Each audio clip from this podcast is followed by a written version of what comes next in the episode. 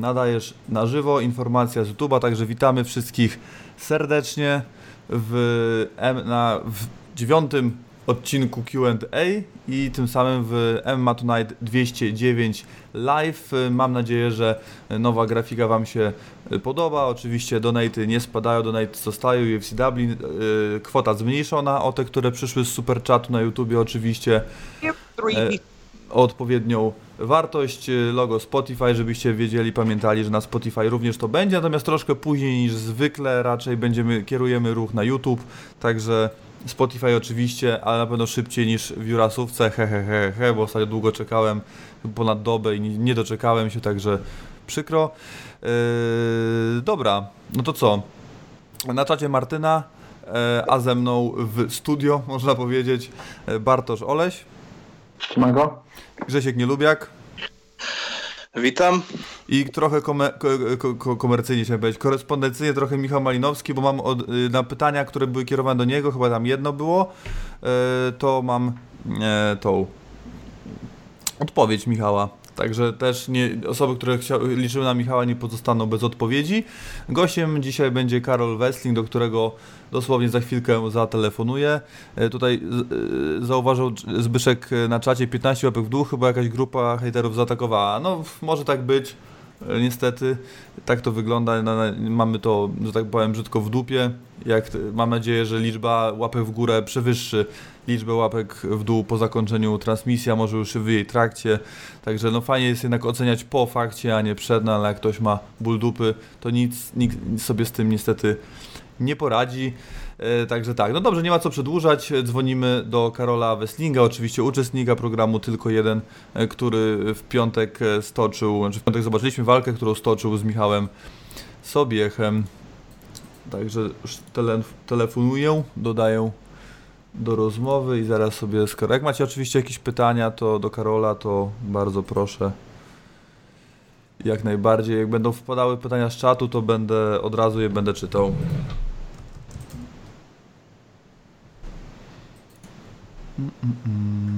Dobra.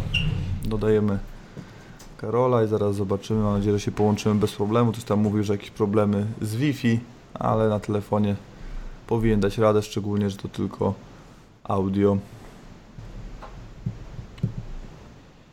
Mm, mm, mm.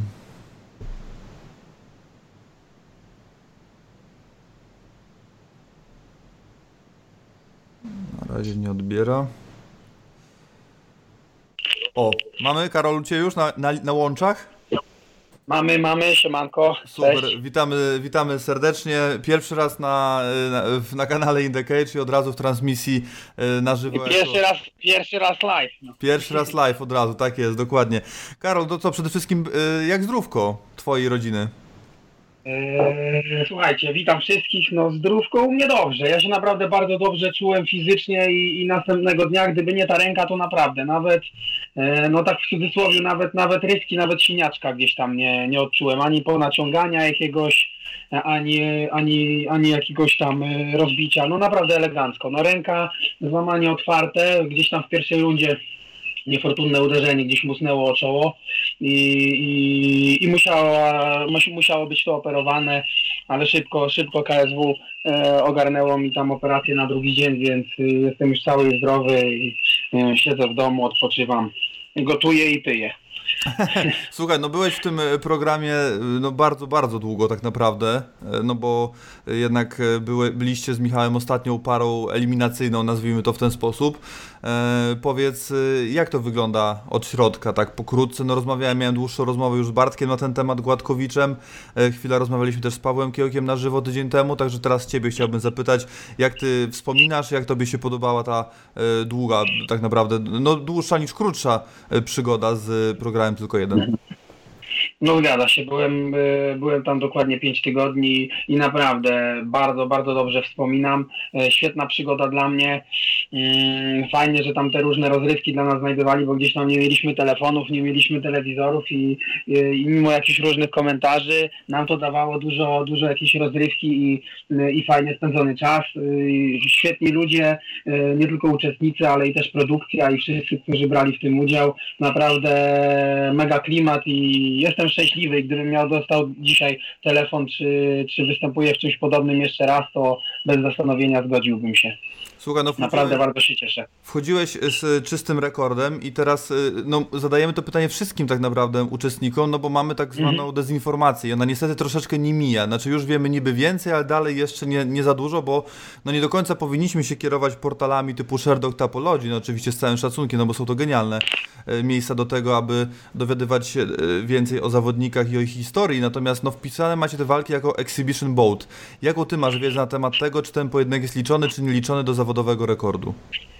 Mm, znaczy powiem tak, z tego co, e, z tego co mi wiadomo, mm, no to i z tego co gdzieś tam e, było powiedziane, to ma się to wliczać w rekord zawodowy. Ja się z mhm. tym liczyłem. No gdzieś tam, e, no wiadomo, nie co do samej walki, to, to może później pogadamy. No ale z tego co wiem, to, to ma się to wliczać. A czy to będzie się wliczać, no to finalnie zobaczymy. No. Myślę, że każdemu powinno się wliczać, no a na pewno chcą tego osoby, które, które tego pojedynku wygrały. No ja się z tym liczyłem i, e, i gdzieś tam wcale mnie jakoś nie boli ta, że ta jedynka jest w tył na razie, bo, bo, bo jeszcze jest robota do zrobienia, no. Więc, więc mam nadzieję, że, że chłopakom to wpiszą do rekordu, o tak, może tak to mhm. powiem. Słuchaj, no mniej więcej już tutaj ustaliliśmy na przestrzeni i kilku odcinków naszego podcastu i, i paru wywiadów, no bo umówmy się, że tylko jeden jest troszeczkę języczkiem uwagi w czasach pandemii, ponieważ no nie mamy y, do czynienia z polskim MMA wcale w wersji, nazwijmy to chociaż quasi na żywo, no bo umówmy się, że te wasze pojedynki już były dawno temu nagrane, bo to był luty, ale jednak e, no żyjemy tym. Wy już wiecie więcej, my tym, my tym jednak trochę żyjemy bardziej i widzimy też po ruchu na stronie u nas i na naszych mediach społecznościowych, że tylko jeden naprawdę robi robotę, jeżeli chodzi o cyferki. E, chciałbym się Ciebie zapytać z, z tej perspektywy, którą Ty już teraz masz. E, no, mhm. to nie jest, wydaje mi się, i powiem to też za naszą redakcję, e, że to nie jest dla e, środowiska produkt, po, jakby produkt dla środowiska prawdopodobnie by nie miał takich liczb, jakie ma teraz. Jest to produkt Polsatu i KSW, to też warto o tym wspomnieć. Powiedz mi, tak jak twoi znajomi, twoi najbliżsi e, na to patrzą, ludzie, którzy nie są bezpośrednio związani z MMA, tak e, nie, nie, nie wstają na UFC w nocy, oglądają czasami KSW, jak jest w otwartym Polsacie, czasem wykupią pay-per-view, jak są w większej ekipie na dwóch i trzech, mhm. czterech galach w życiu byli. Jak oni to odbierają? No bo e, chodzi o to gotowanie, chodzi o te tańce, to jakby środowisko to odbiera tak, no mieszane są komentarze.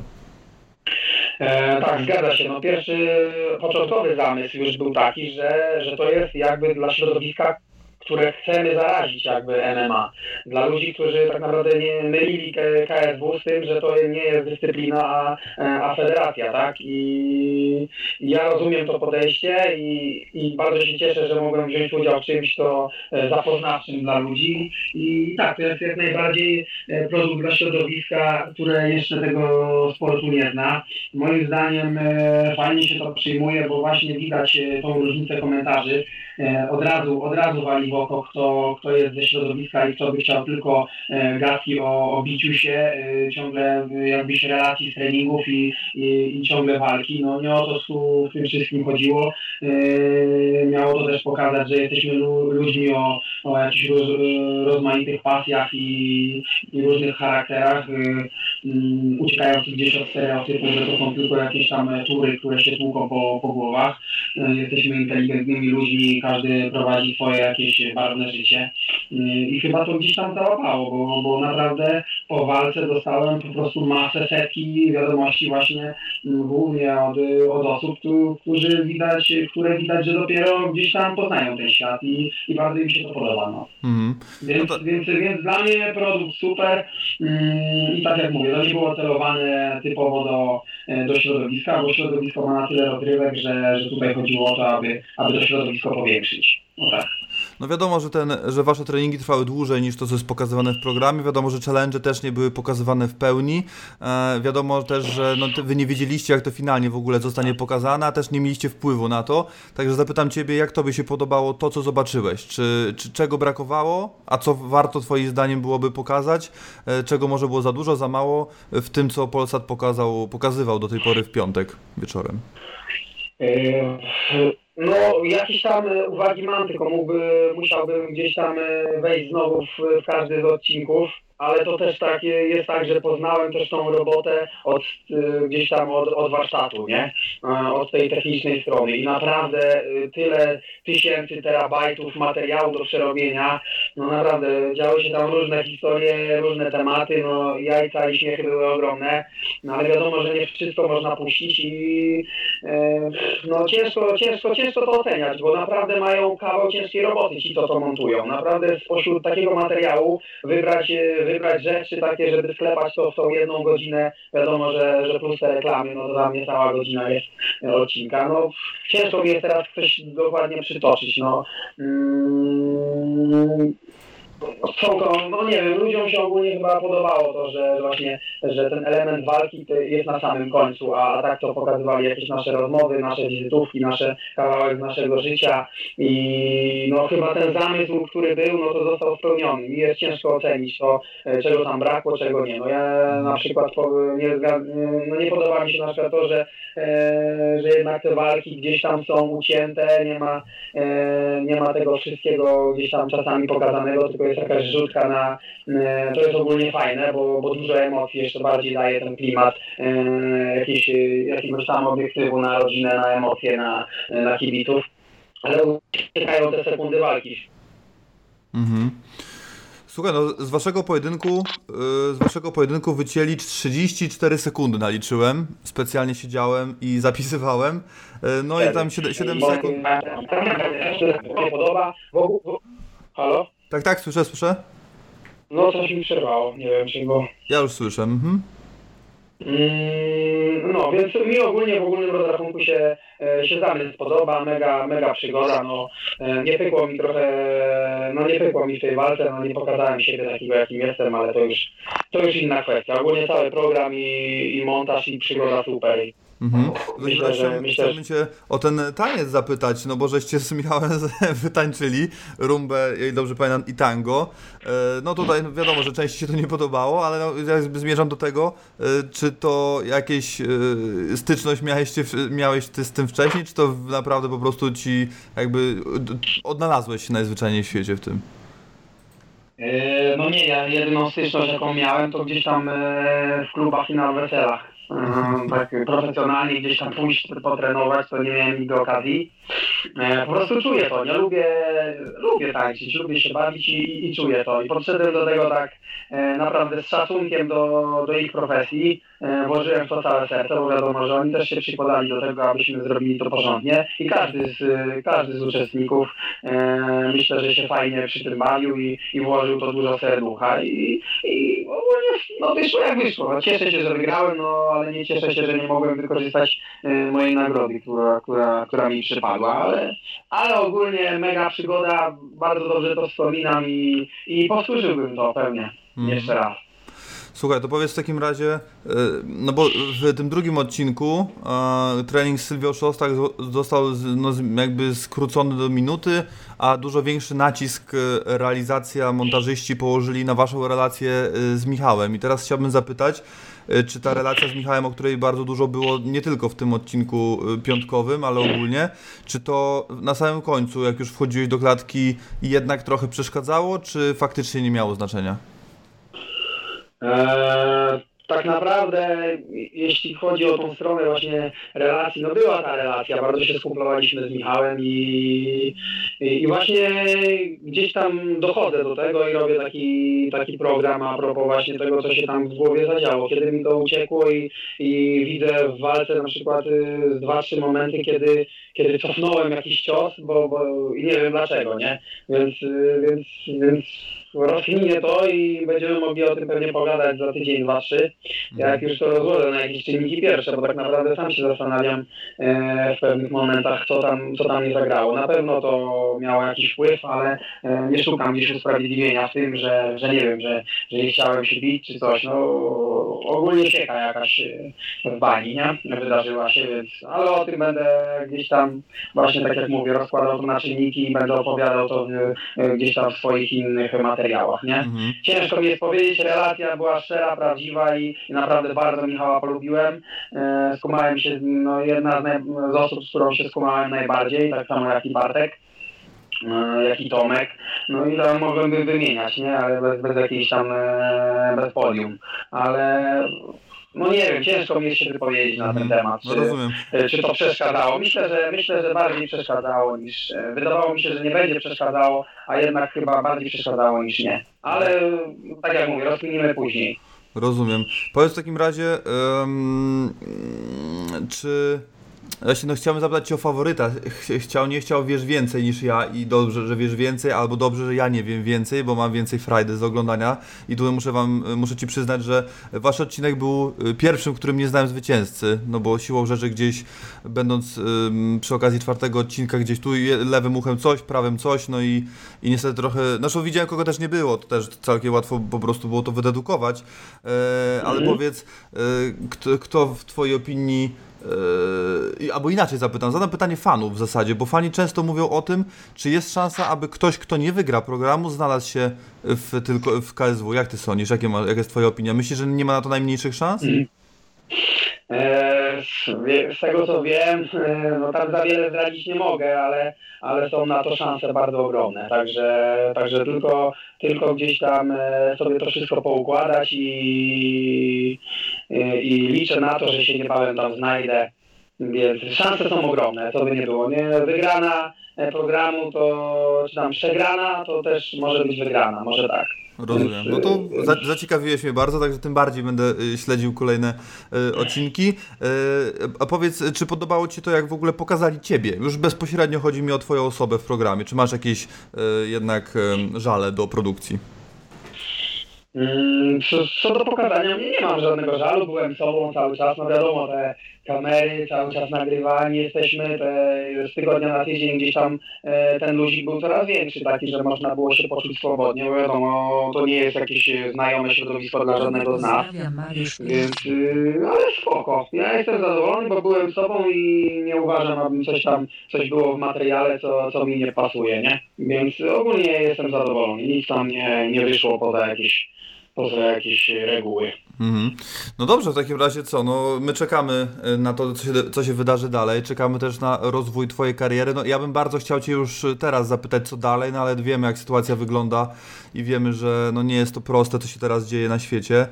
E, I dotyka No nasze, nasze środowisko. Nasze środowisko tak naprawdę z racji tego, że no MMA opiera się na imprezach masowych, umówmy się, no to z jakimiś drobnymi wyjątkami, no to jesteśmy najbardziej, za przeproszeniem, w dupie, bo e, wszyscy, całe środowisko MMA i tu nie ma podziału, to i, i, i zawodnicy, i organizacje, i sędziowie, i katmeni, i media, i tak dalej, i tak dalej, i tak dalej.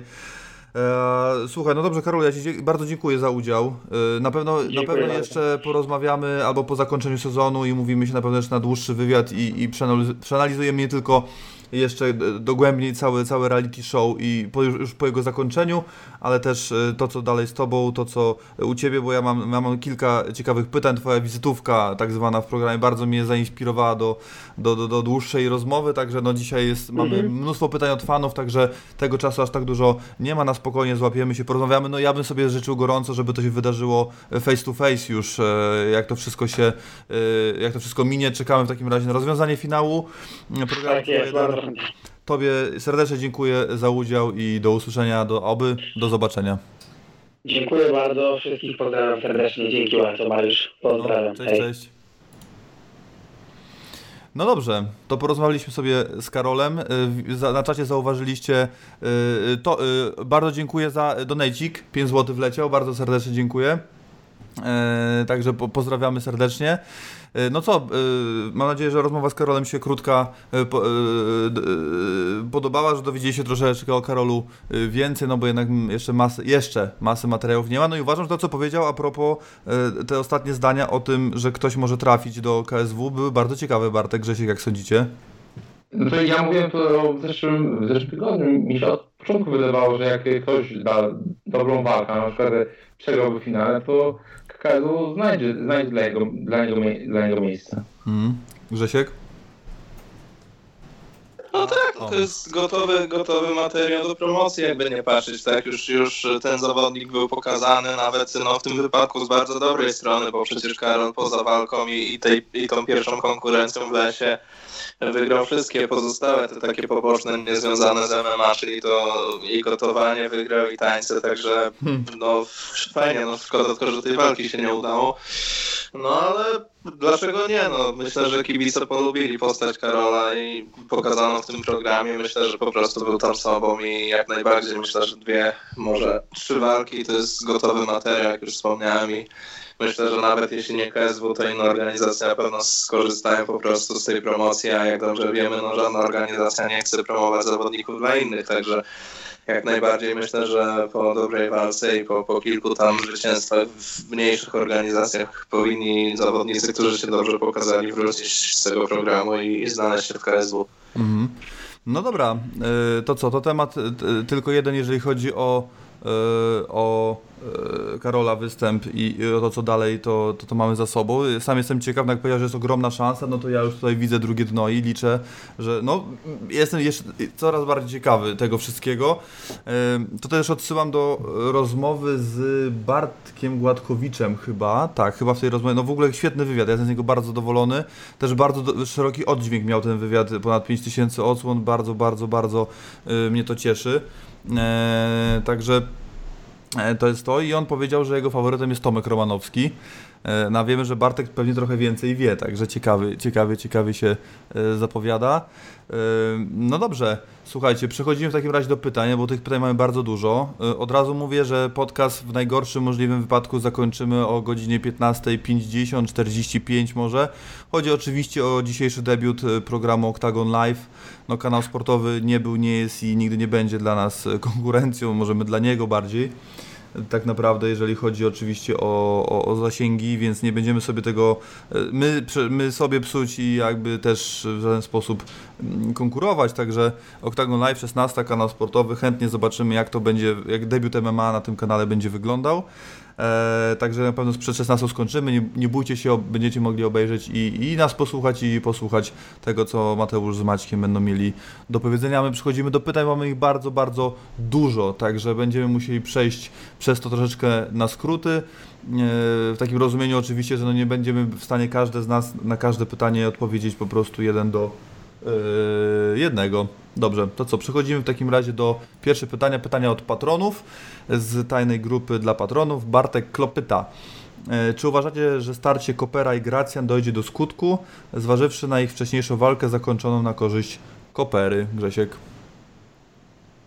No myślę, że KSW powróci do tego zestawienia. Dlaczego nie? Już była historia zbudowana już panowie byli ponownie zestawieni, przykowali się wzajemnie na siebie, więc dlaczego by nie wrócić do tego starcia? Jeśli wrócą gale KSW, to myślę, że będzie to jedna z pierwszych walk ogłoszonych, dlatego że no była pierwsza, o ile się nie mylę, tam na karcie wtedy, jeśli zanim gala została odwołana kibiców grzała w miarę ta walka, no mnie osobiście średnio, ale myślę, że może się tutaj jednak, po, po głębszej analizie jednak, no nie, nie byliśmy w stanie nagrać typowania ogólnie, więc nie, nie byłem w stanie wyrazić swojego zdania, ale w zasadzie szanse mogły być tutaj wyrównane, bo nie, nie widziałem jakoś jednoznacznego faworyta w tym starcie. Mm. Yy, no, to jest polsko-polskie starcie, więc jestem przekonany, że zagości na karcie, najbliższej karcie walk gali KS w no, 53 zapewne. E, Bartek Klop pyta dalej, jaki jest prawdziwy powód Saladina, że nie chciał walki z Gamerem w catchweightie tylko w 66 kg? Jak myślisz, Bartosz? Znaczy, no mi się wydaje, że przede wszystkim chyba nie chciał ryzykować. Tak? Pamiętajmy, że to jest jeszcze młody, młody zawodnik. E, mimo tego, co KSW może, może mówić, wydaje mi się, że Saladin będzie celował w UFC, a walka e, z Gamerem w catchweightie kategorii wyżej jest bardzo, bardzo dużym ryzykiem. Mm. No, kurczę, tutaj jest temat taki. Mm, ciężki, bo e, rozmawiałem wczoraj o tym z Redem i pytałem go, jak, jak w jego opinii, kto, kto powinien w czyją stronę się jakby pochylić tak? I, i tu Red uznał, zaskoczył troszeczkę mnie tak naprawdę, że to Gamer powinien się pochylić, bo e, on odszedł, on jakby miał rozbrat z organizacją, e, on trochę przyszedł, e, no jak on to nazwał, z podkulonym ogonem, no bo tutaj trochę wojował, no zrobił trochę na złość, no bo w trakcie ważenia ogłosił te, te, te, te zwakowanie pasów i tak dalej, i tak dalej. I, i to w pozycję negocjacyjną lepszą miał niby Saladin. Grzesiek, jak ty uważasz? Kto powinien do kogo przyjść? Szczerze mówiąc, ja uważałem od początku, że panowie powinni się spotkać w, w catchweightie 68 kg. Nie jestem generalnie fanem catchweightów, ale w tym wypadku jest to taki idealny, można by powiedzieć, catchweight, takie wypośrodkowanie kategorii obu panów. Zarówno ścinanie tych kilogramów przez gamera byłoby takie trochę, no, no nie wiem, no to jest na pewno proces trudniejszy niż e, przybieranie dodatkowych czterech a w zasadzie nie ścinanie ich w ogóle, a poza tym Saladin Parnas już miał wielokrotnie toczył pojedynki, zanim przeszedł do kategorii piórkowej w dywizji lekkiej, więc myślę, że mimo wszystko, gdyby się nie udało tego catchweightu dograć, no to jednak Saladin powinien po prostu pójść do kategorii wyższej i ewentualnie wywalczyć sobie drugi pas, bo przecież miał takie aspiracje chciał y, walczyć z Marianem Ziółkowskim o zwakowany pas, także dlaczego nie poszedł do Gamera w, w tym wypadku? No, nie wiem, no dla mnie Catchway tu byłby akurat w tym wypadku idealnym rozwiązaniem, natomiast gdyby już nie można było tego dograć, no to myślę, że Saladin powinien iść do 70 kg.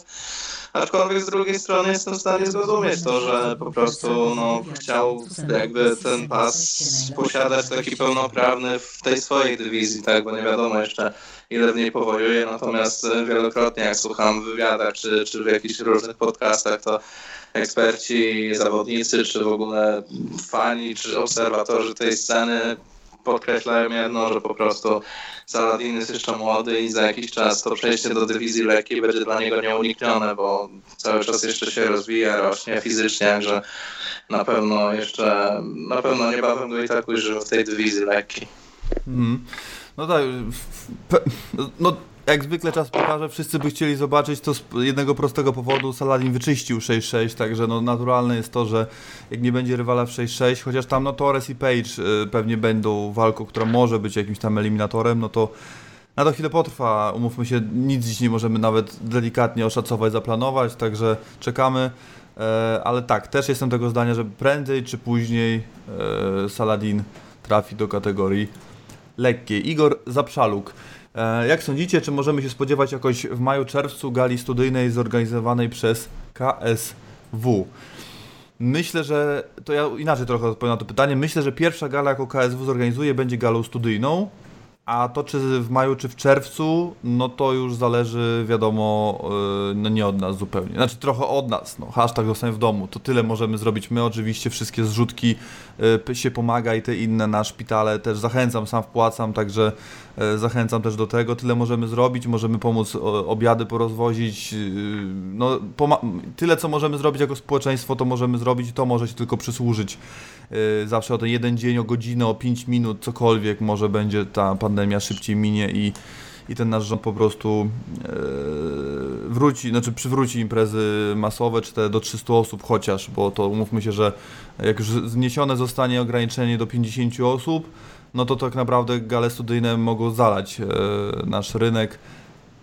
Taka jest moja opinia. Bartek?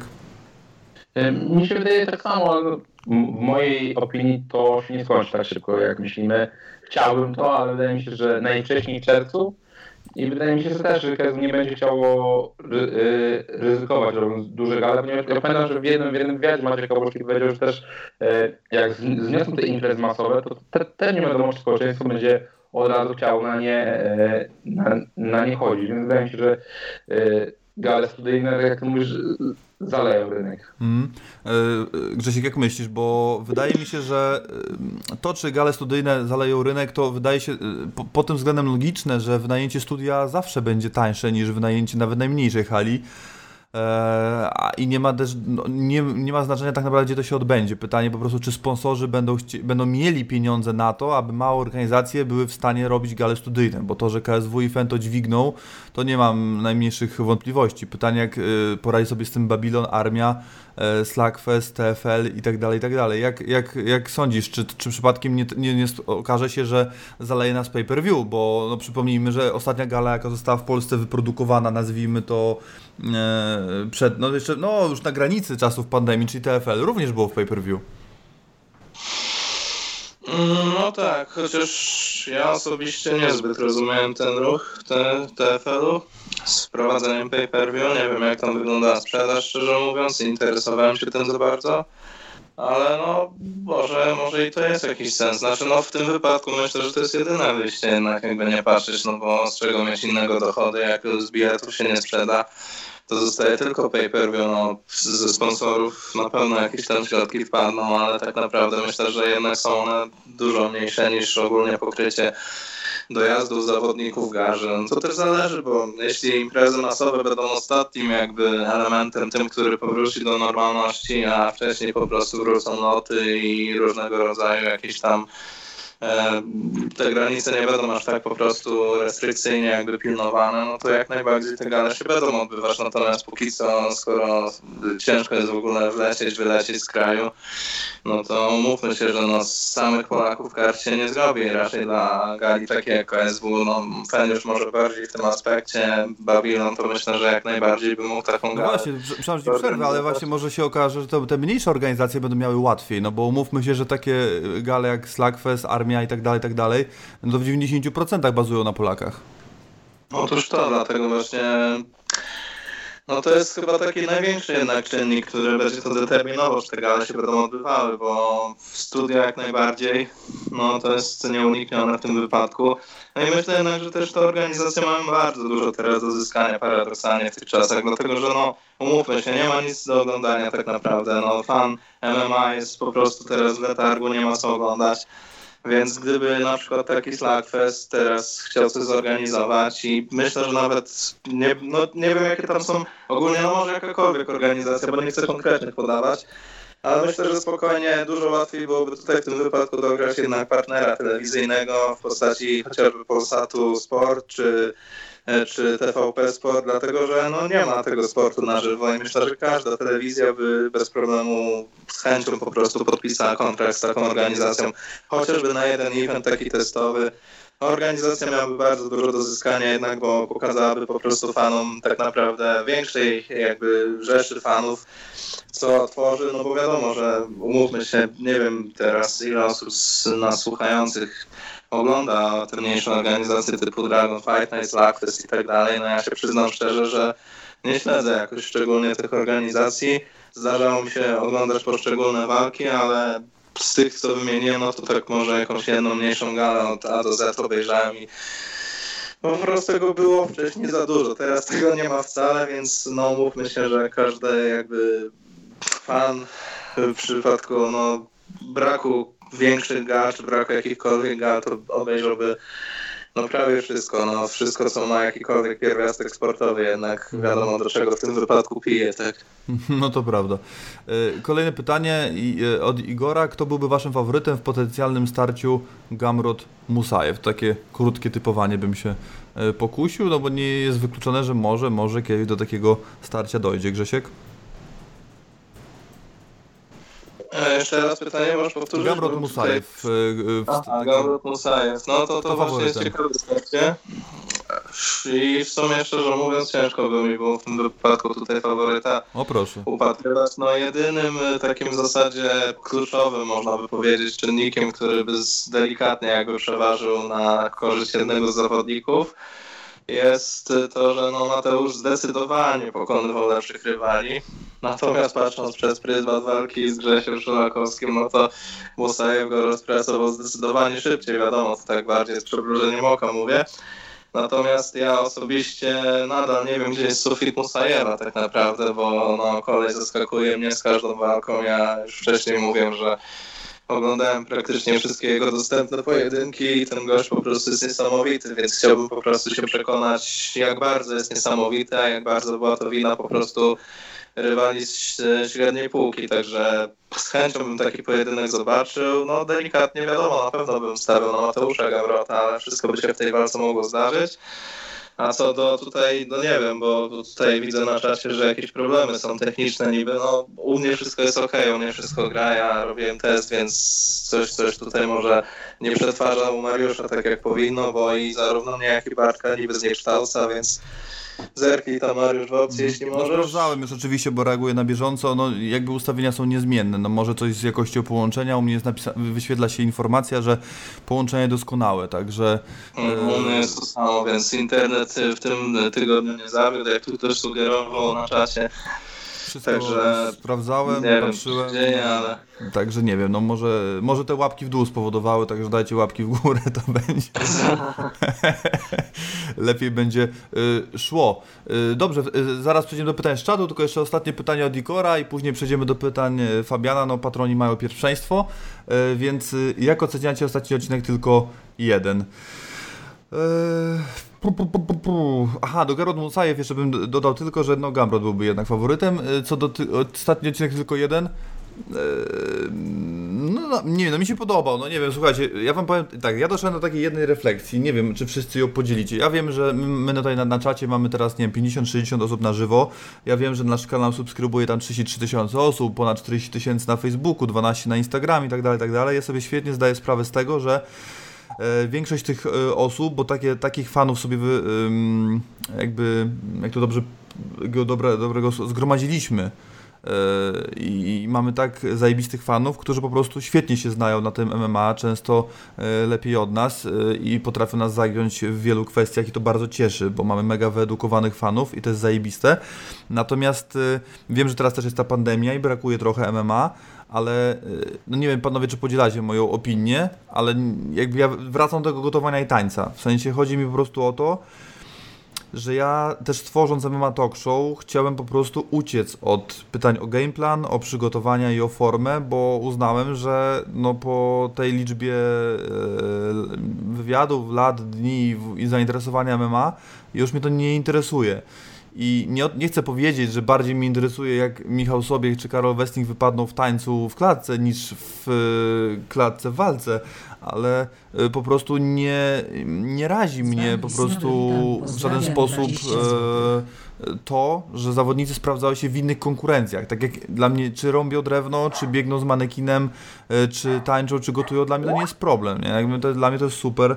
Yy, bo no, no nie wiem, dla mnie to jest ciekawe, znaczy już bardziej mnie to, znaczy nie to, że bardziej interesuje niż walka, tylko yy, no nie wiem, nie, nie przeszkadza mi to, w sensie gdyby walka nie była wyemitowana, bo słuchajcie, dzisiaj po, pokażemy jak tańczą, a walki nie będzie, no to oczywiście, że się nie zgadza, ale wydaje mi się, że to jednak jest spoko opcja i ja nie, ja nie widzę w tym problemu, yy, także taką, taką mam luźną sugestię a propos tego odcinka i w ogóle jakby tego te, tematu A odcinek super, także mi się podobało. Bartek, jak ty, jak ty, jakie, jakie ty masz odczucia a propos tego, co powiedziałem też, no i a propos oczywiście odcinka. Znaczy musimy też jakby pamiętać, że Polsk i KSW chce pokazać tych y, zawodników jakby w różnych płaszczyznach. Właśnie wtedy wyobraźmy sobie, ktoś, kto nie jest fanem MMA, ogląda, by oglądał ten, ten program i tam było tylko trening, robienie wagi, walka, to może by go zainteresowało na dwa, trzy odcinki. A wydaje mi się, że plan tego programu y, jest y, o wiele dłuższy i oni muszą pokazać y, coś więcej tak jak powiedzieliśmy też w zeszłym tygodniu, to nie jest program dla nas, to nie jest program dla fanów MMA, tylko dla Januszy i Grażynek przykładowych. I to gotowanie, te tańce i tak dalej, to dla większości osób naprawdę dobrze się ogląda. A co do y, ostatniego odcinka, w moim mniemaniu to był najlepszy odcinek do tej pory. Nawet te, te, te tańce, gdzie ja, moje umiejętności tańca i wiedza na ten temat jest na bardzo niszowym, niszowym poziomie. Uważam, że panowie spisali się super wy- wyglądało to bardzo dobrze w samym obrazku. Mi się wydaje, że też te tańce miały być związane z tą promocją e, tańca z gwiazdami, który wcześniej był przed, e, przed tym programem. No, Wydaje się, że oni tak, tak, to chcieli połączyć, więc e, pewnie gdzieś jakby e, tańc z gwiazdami leciał, gdzieś w przerwach re- reklamowych byłyby właśnie te prze- przebitki z, z tylko jeden. A to już co do samej walki, walka super, oboje panowie pokazali się naprawdę ze świetnej strony, zakładając, że pamiętając, że obaj zawodnicy mają jakby najniższe doświadczenie, jeśli chodzi o zawód MMA, a Karol nawet zerowa. Pokazali, wydaje mi się, że do tej pory z tego, co zobaczyliśmy, najlepiej. Mhm. Grzesiek, jakie ty masz e, odczucia a propos tych pozasportowych e, challenge, nazwijmy to? No takie mieszane trochę, szczerze mówiąc. Ogólnie myślę, że bardziej powinni się skupiać na jakichkolwiek e, takich, no to, to pierwsze zadanie z tymi manekinami na przykład mi osobiście się bardzo podobało, bo to jednak jakikolwiek sens miało co do treningu i w ogóle jakiej fizyczności. Także myślę, że bardziej w ten deseń powinni po prostu brnąć e, producenci programu. No, tańce, gotowanie, no to myślę jednak, że to nie jest zbyt dobry pomysł, szczerze mówiąć. Mnie osobiście średnio to interesowało, jak zawodnicy tańczą, jak gotują i w sumie w pewnym sensie rozumiem oburzenie jednego z zawodników. Ledy oczywiście w przypadku tego gotowania, bo myślę, że zareagowałbym podobnie, gdybym poszedł do takiego programu i chciał się przede wszystkim skupić na walkach. No chyba, że było takie zapewnienie ze strony organizatorów, że po prostu będą tam różne, różnego rodzaju inne konkurencje, ale po minach chłopaków miałem wrażenie po prostu, że oni się dopiero na bieżąco dowiadywali o tym, co tam zostało dla nich wyszykowane. Ale generalnie no nie wiem, no szczerze mówiąc, ja rozumiem to, że to musi tak być pokazane. No bo wiadomo, że gdyby tam była sama walka, sam trening, no to no, się, że wiele osób by tego nie chciało oglądać, a tutaj zawodnicy MMA są jak najbardziej przedstawiani z e, różnych innych po prostu stron, z różnych jakby innych e, dziedzin, więc jestem jak najbardziej za, żeby w tym programie to było to, że mi się to nie podoba i po prostu mam tam więcej czasu, żeby troszeczkę jednak luźniej to oglądać i nie, nie patrzeć cały czas w ekran, no to okej, okay, no ja się skupiam bardziej na, na tych takich aspektach bardziej, nie wiem, no tym biciu wagi, tych rozmowach między chłopakami, no i samej walce oczywiście, treningu, a jeśli ktoś po prostu lubi takie programy oglądać tylko dlatego, żeby zobaczyć, co te osoby tam robią, no to myślę, że spoko, no nie mam z tym problemu większego, ale mówię, no dla mnie to troszeczkę za dużo jednak tego było i ktoś tam chyba wyliczył, chyba Marina, że było więcej tych pokazanych, było więcej gotowania niż, niż walki pokazanej, także no trochę to akurat było słabe w tym wypadku. Mm. Słuchaj, no y, ja, mi się wydaje, że po prostu dla każdego coś, coś miłego, no ciężko byłoby 40, ja myślę, że, znaczy inaczej, ja jestem przekonany o tym, że 45 minut, bo mniej więcej pewnie tyle trwa program, 45 minut y, y, tematyki y, sportowej, y, MMA, czyli bicie wagi i tak dalej, walka, przygotowania, trening, rozgrzewka, to by nigdy pół miliona tego nie oglądało. Nie ma takiej możliwości w ogóle. Y, a to te słupki są jakby kluczem, no umówmy się, to o to chodzi, to jest biznes to na końcu, umówmy się i to trzeba to połączyć i według mnie połączenie jest dobre, no ale jest ma masa rzeczy, które są, które bym poprawił oczywiście, ale akurat nie to, no jakby tutaj to mi zupełnie nie przeszkadza. Przeskoczymy teraz na chwilę na czat. E, Janusz Tracz, to jest ten, idol Maliny. E, Mariusz, co myślisz o ostatnim epizodzie Jonesa? Będziesz dalej bronić go? E, ja, mi się wydaje, zawsze mi się wydawało, że ja Jonesa broniłem zawsze sportowo. Mm, nie broniłem nigdy, nie, pochleb, nie, nie, nie wypowiadałem się pochlebnie o jego wybrykach poza klatką, przynajmniej tak mi się wydaje. No może jak gdzieś jakoś da się minutę, sekundę odkopać, e, to też druga sprawa, że tutaj się od, odwołam do tego, co Czarek powiedział na swoim podcastie, zresztą polecam, Rules Meeting podcast, mm, Czarek Wojciechowski, sędzia, e, że dzięki temu, że zmieniamy zdanie, to się rozwijamy i to też ma sens. Natomiast no, oczywiście nie można zmienić zdania we wszystkim, no jakby to byłoby dziwne, ale mówimy o takich rzeczach, no tak, nazwijmy to mało, bez większego wpływu na nasze życie. No nie można powiedzieć nagle nie będę pracował i będę żył z ziemi, z liści, no to byłby kiepski pomysł, ale e, jakby ogólnie takie zmiany zdania, które nie, mocno nie, nie, nie, nie zmieniają naszego życia. Pewnie się zgodzę tu z Czarkiem. E, i, i, I tak, natomiast e, wracając do sedna, Yy, kurczę, no, no, nie, no, odjebał i co, i koniec. No nie ma tutaj, tutaj jakby od tego żadnego odejścia.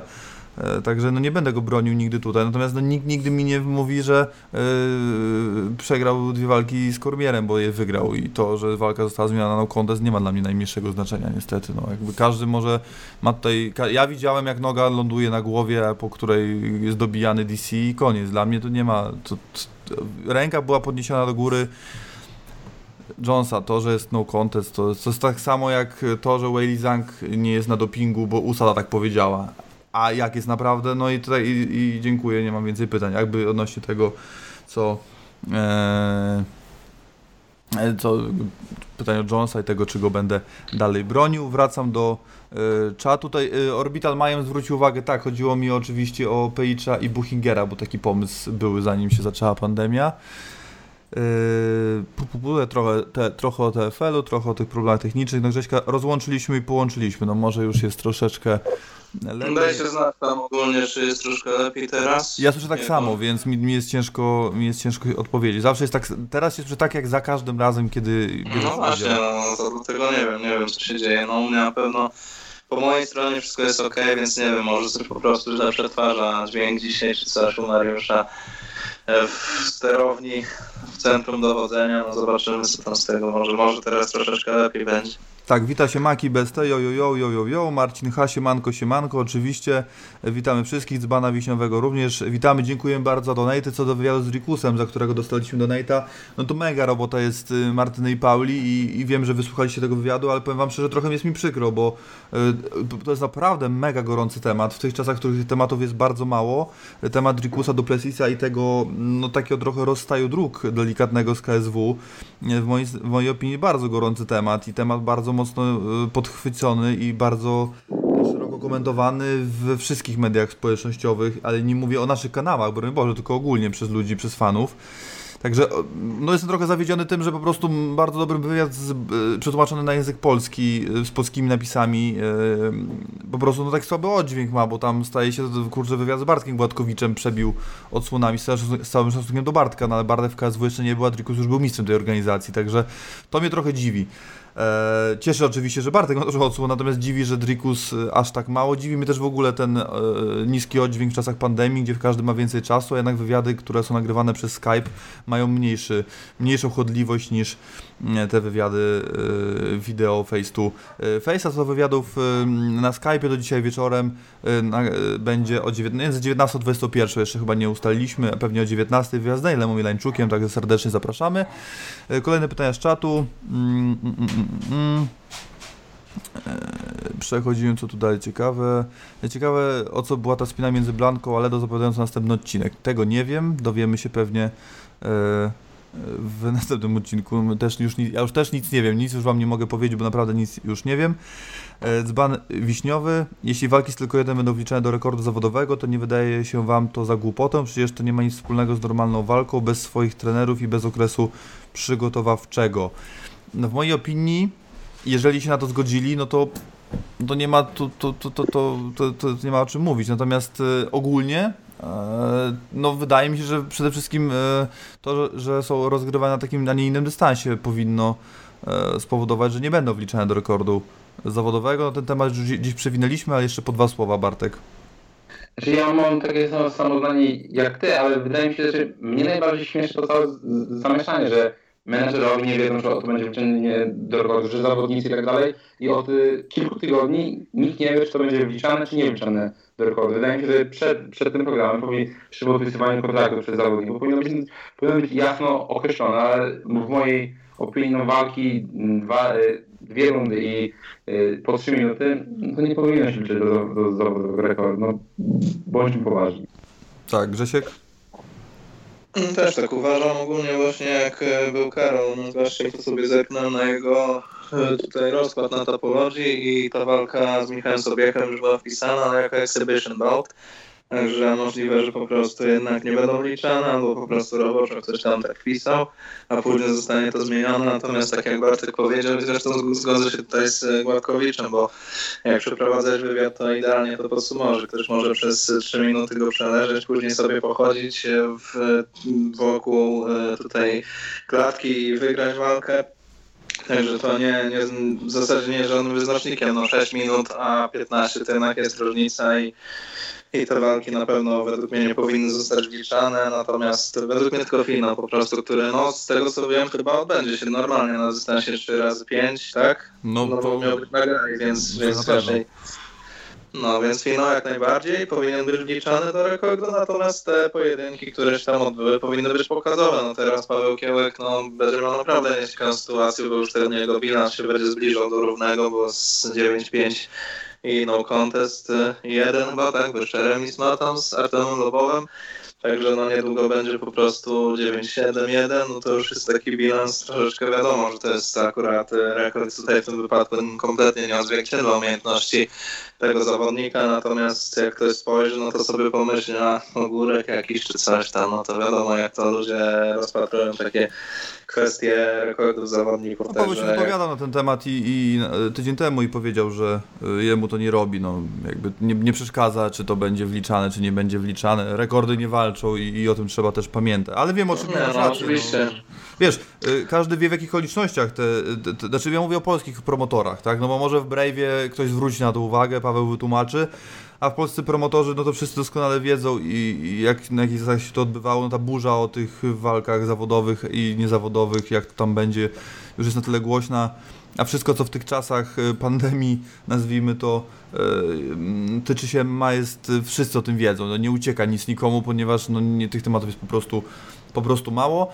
Yy, pytania od Fabiana Warzechy, no zasypał nas pytaniami ostro, także panowie, no każdy dostanie po, znaczy każdy, na każde pytanie będzie odpowiadała jedna osoba, no chyba, że ktoś będzie bardzo potrzebował, e, to oczywiście nie ma problemu, ale musimy przejść do pytań, do pytań zaraz z YouTube'a, także e, postaramy się w miarę sprawnie przez zagwozdki e, Fabiana, naszego patrona, przejść Sprawnie Grzegorz swego czasu przebąkiwał coś o ewentualnym starciu w MMA, tak aby się sprawdzić, czy sprawa wciąż jest otwarta. 6 miesięcy treningu i walka na przykład z Łukaszem Parowcem w catchweightie byłaby ciekawą opcją.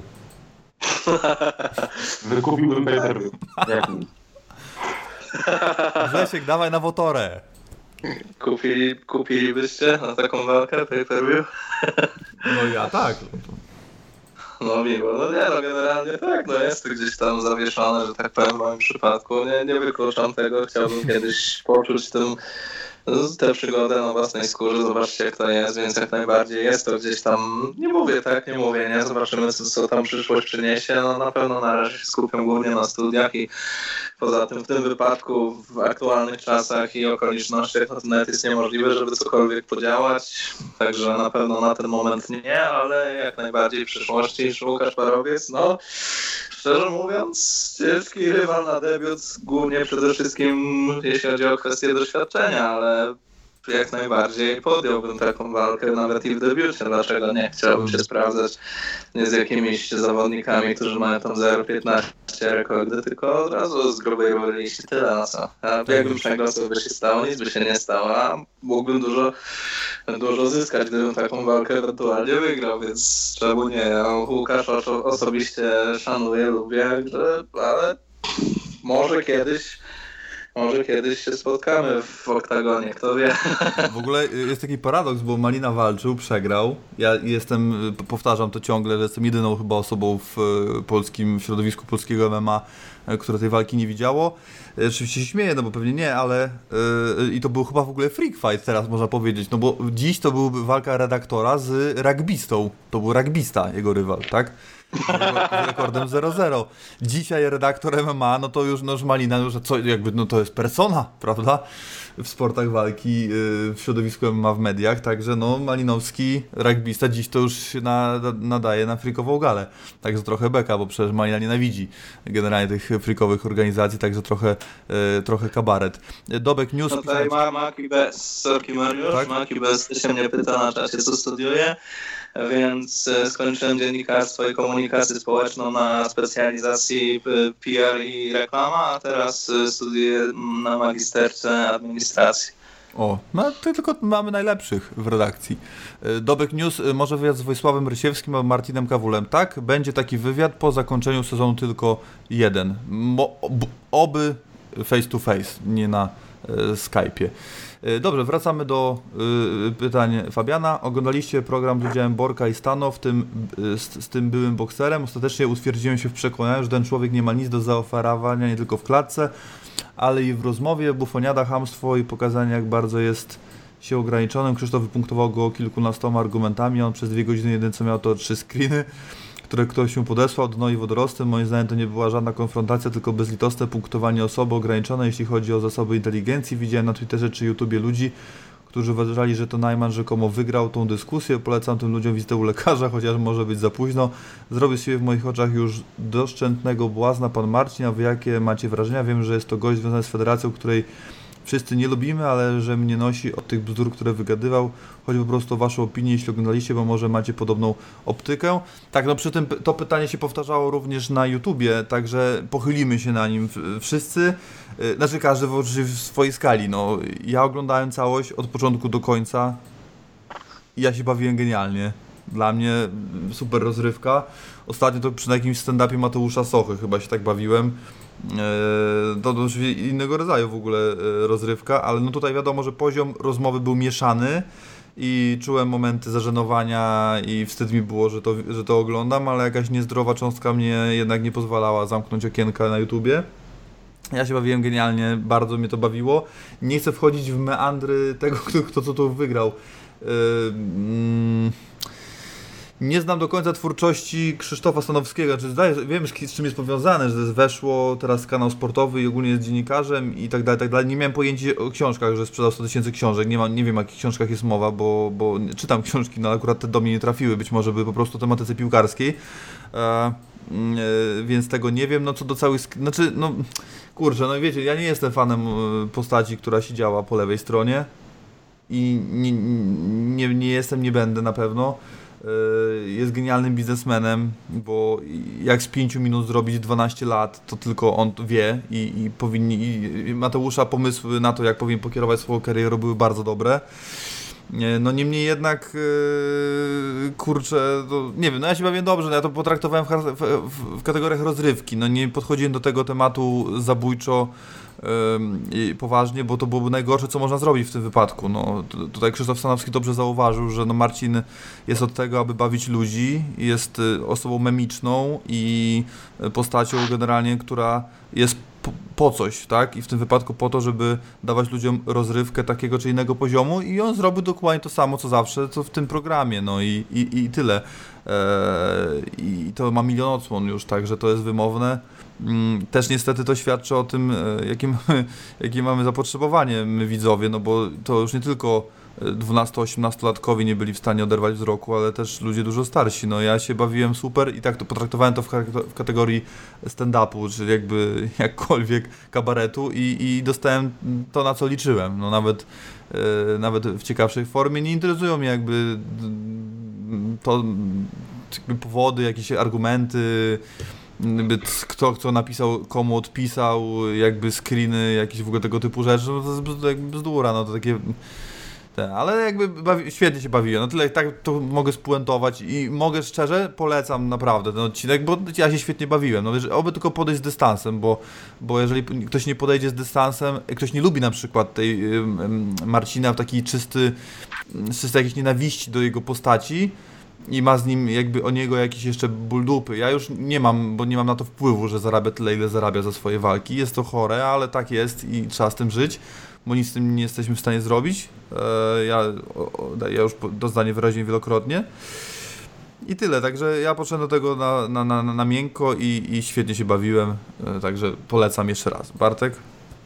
Jeśli chodzi o względy rozrywkowe, to jest super zabawa. Ja, ja, ja sobie podłączyłem do kolacji, potem popijałem sobie herbatę, to się super słuchało, ale jeśli chodzi o, merytorykę, no to był żałosny występ i i tu patrz na Marcina Neumana i na Stan, Stan, oni się przekrzykiwali, wyzywali, po prostu to było naprawdę żałosne. I jeśli chodzi, to ja tylko mogę wypunktować, co mi się nie podobało w tej rozmowie, oczywiście Marcin Najman twierdzący, że w MMA pokonałby Tomasza Adamka i tam y, wjeżdżając na niego. I druga sprawa, Marcin Najman, który przekonuje nas, że y, zwycięstwo nad gościem, który miał, czekaj, ma, nawet zaznaczyłem, który ma dwa zwycięstwa i 30, 30 porażek, w boksie to był jego największy zawodowy sukces. Po prostu jak to usłyszałem, to prawie po prostu. No, Ale no właśnie, to było śmieszne, mnie to bawiło mega, no. No mnie też, no, no kurczę. Pokazywanie, no, prze, przeglądanie boxtreka swoich byłych rywali w przypadku Marcina to po prostu jest, no, są jaja jawne, no. Ja tylko wam powiem tak, y, ostatni, y, Marcin Najman mówił, że z, z gościem, który, że jest sub, wielki sukces z gościem, który ma 5 45 porażek i 5 remisów. I on ma większość takich rywali w rekordzie, no ale do, dobrze wiem, kim jest Marcin Najman, ale naprawdę nie chciałbym już na, kan na kanale sportowym takich gości, bo pod względem merytorycznym to była ciężka, ciężka przeprawa, ale spokojnie, do herbatki, do piwka, cóż, przesłuchać jak najbardziej. Nie, no świetna zabawa i tutaj chciałbym zwrócić, znaczy może nie zwrócić, bo po prostu jakby Maciej Kawulski, no to były zapowiadane niewiarygodne, że będą dymy, że będzie jechane, że hejterzy po prostu wjadą i się nagle okazało, że z tych hejterów to zostało to co zawsze, a za to u Marcina naprawdę szacun dla tych ludzi, którzy dzwonili, bo na, no, telefon y, prezesa Bońka i Andrzeja Fonfary zniszczył mi głowę po prostu i ich wypowiedzi, no nie wiem, no dla mnie świetna, świetna rozrywka naprawdę, no poziom dyskusyjny oczywiście, ale ja się powiem super, Grzesiek? Zanim odpowiem o Najmanie, to tutaj pytanie kolejne do mnie na czacie. Stefan Szabelka pytasz e, tutaj co z Kiełkiem. No tak, ja też uważam, że to jest bardzo utalentowany zawodnik i trenuje naprawdę w klasowym klubie, ale po prostu myślę, że teraz Paweł troszeczkę jednak odpuszczy sobie tę karierę na rzecz zajmowania się rodziną. Też e, fajne rzeczy pokazuje na swoim kanale. Ogólnie kilka fajnych sztuczek można tam wyłapać, więc też osobiście polecam, żeby sobie tam zerknąć. A myślę, że za jakiś czas po prostu, jak już znajdzie go ponownie chęć i głód do walki, to wznowi karierę i jak najbardziej jeszcze będzie w stanie wygrać z wieloma klasowymi rywalami. No to no kontest, które pierwotnie było jego zwycięstwem za granicą, też tak chamsko zostało zmienione, bo rywal był niepokonany i ma aspiracje, żeby iść do UFC niebawem, a po prostu no, z Pawłem przegrał i tam też jakieś różne dziwne rzeczy się działy. A co do samego Hate Parku z e, Marcinem Neumannem, no tak, no ja tutaj potwierdzam zdecydowanie zdanie Bartka, że to jako rozgrywka jest dla mnie spoko i nie mam z tym problemu, bo też się uśmiałem niesamowicie.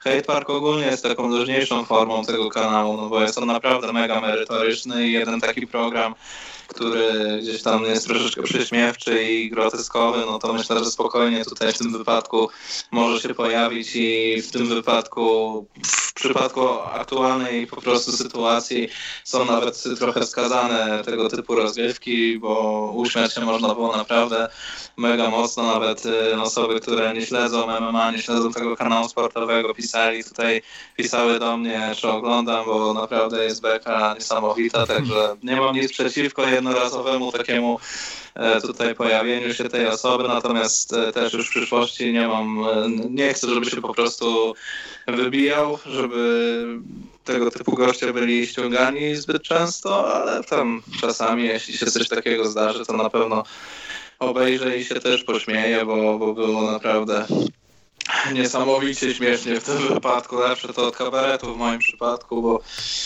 no, no, no, właśnie, może taka kariera w kabaretach lepiej tutaj działała na, dla tego pana pięściarza samozwańczego. Ale dobra, pięcia teraz będzie pisał książki, tak? No, no, to, no, no widzisz, no to też to do poczytania humor taki też będzie spokój. Ale nie za tytułu. No właśnie. Taka ciekawostka dla wszystkich, Marcin Najman napisał już jedną książkę, tam jest o Jurku Koleju biografia, więc... No.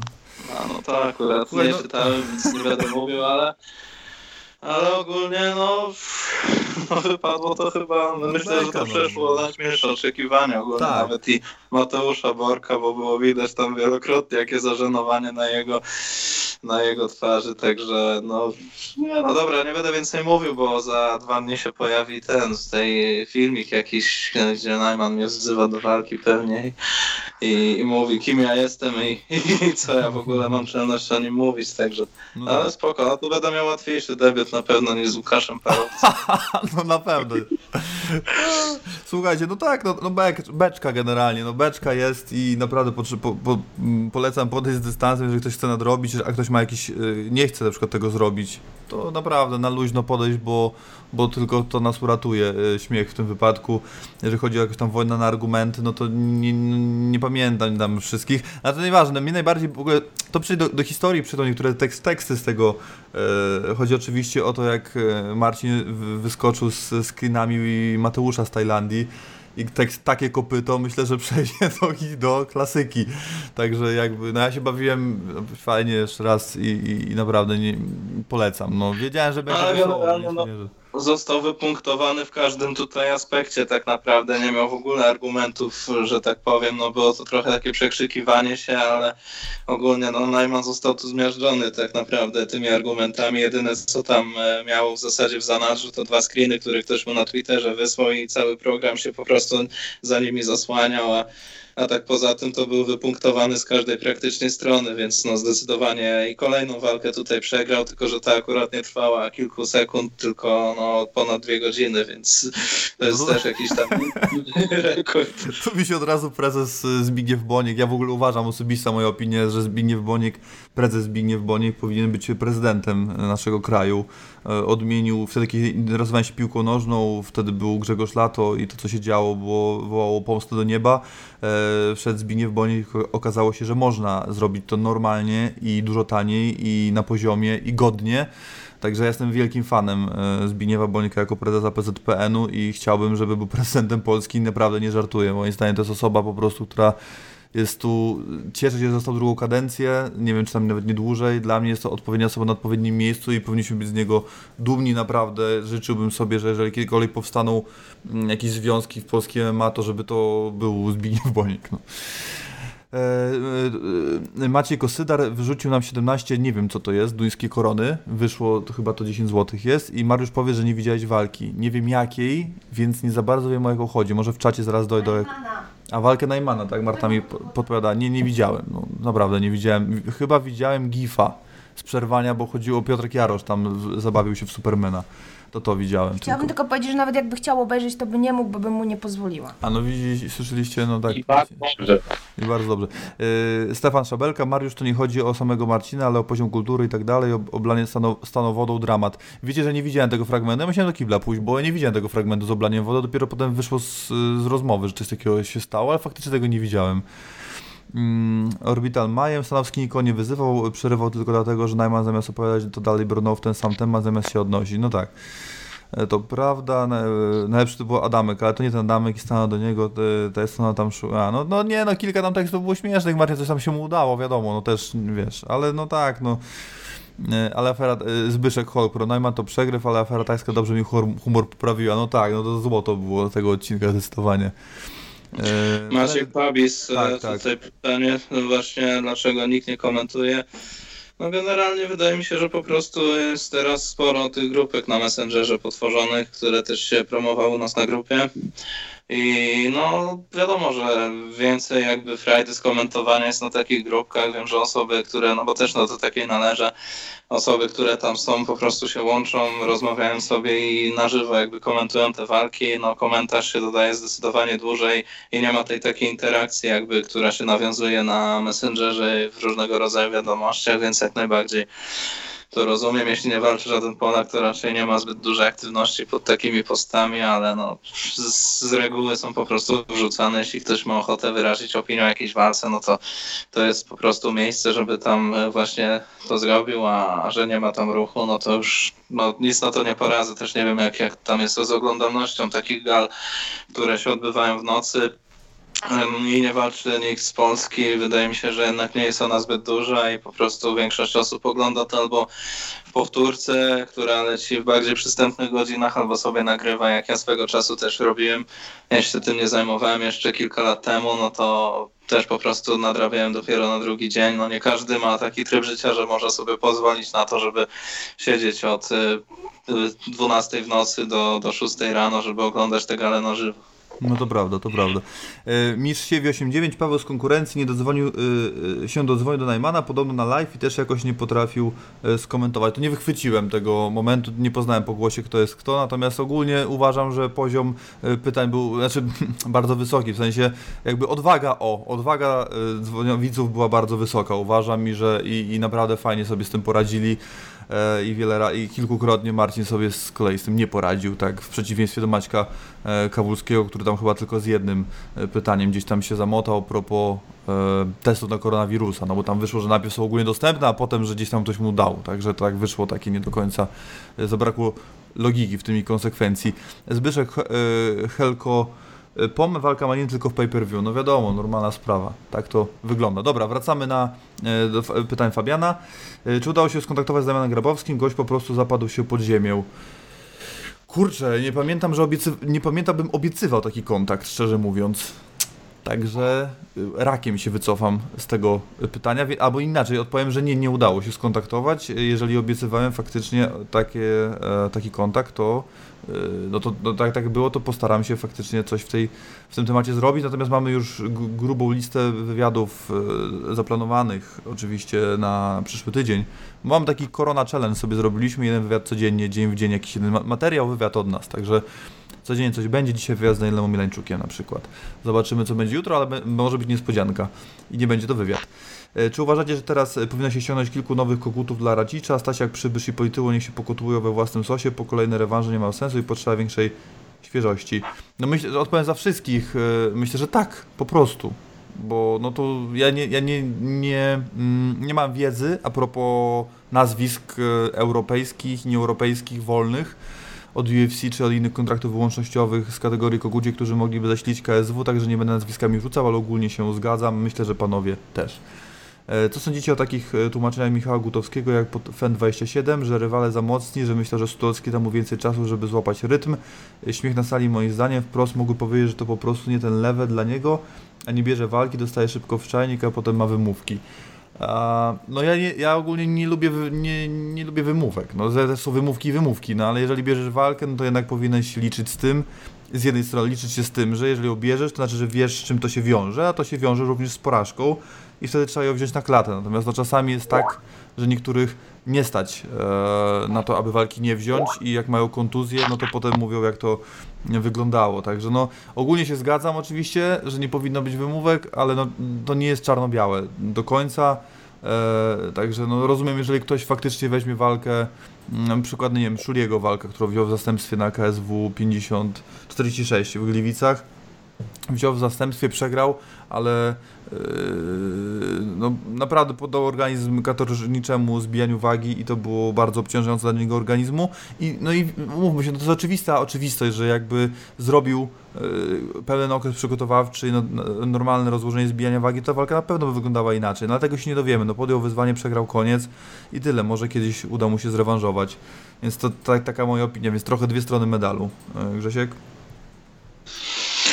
Też nie lubię wymówek i ogólnie na, tutaj w tym wypadku bardzo, naprawdę bardzo szanuję Bena Skrena, który tych wymówek nie robił, a w sumie wszyscy się spodziewali tego, że jeśli przegra pierwszą walkę, no to będzie tam mnóstwo różnych rzeczy, które się nie powiodły i w ogóle, a tutaj po prostu Ben Askren w fakcie powiedział, że był słabszy, przegrał i bierze to na klatę i taką postawę szanuję najbardziej. Jeśli ktoś, jak tutaj, jak, jakie tam były przykłady podane, kogo?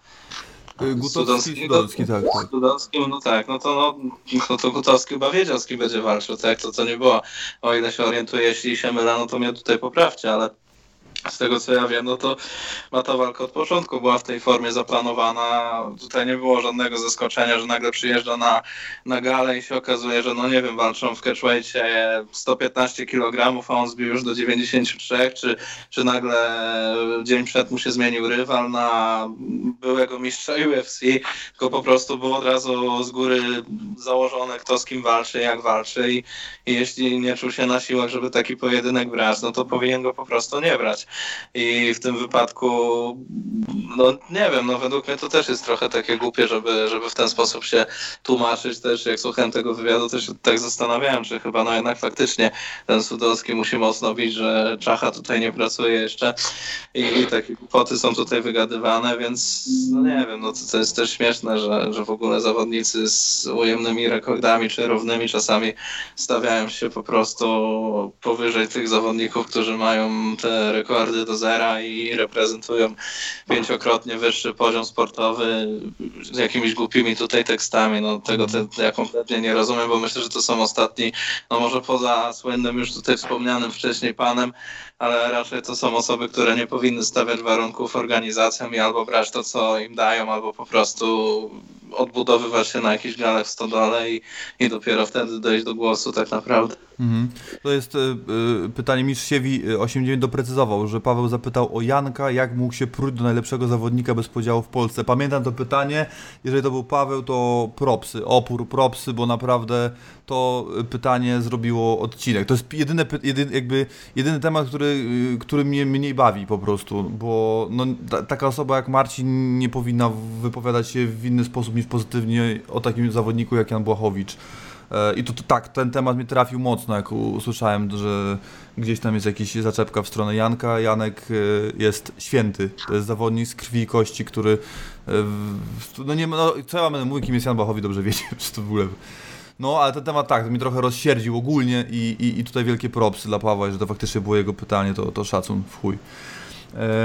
Według mnie trochę wstydliwe jest to dla TFL, Babilon czy Fenu, że dają walki takim wynalazkom jak Tarabańka czy Łysoniewski. Ja rozumiem, że TFL to organizacja specyficzna i nawet worek treningowy z Finlandii ważący się na lotnisku na wadze bagażowej i trenujący stewardessami może zdobyć pas. Podobno, podobno go z limuzyny weselnej wyciągnęli na to zastępstwo, ale walki gości 1-6-0-2 to lekka przesada, pieniądze wyrzucone w błoto i uwłaczające poważnej organizacji. Tak samo jak Babilon temu dostawcy rekordu Łysoniewskiemu chyba dał trzy walki. Jak się na to zapatrujecie? Dla mnie siara. Wiecie, wiesz co Fabian, tak naprawdę najłatwiej, yy, łatwiej Ci byłoby na to pytanie samemu sobie odpowiedzieć, gdybyś wszedł w buty matchmakerów małych organizacji.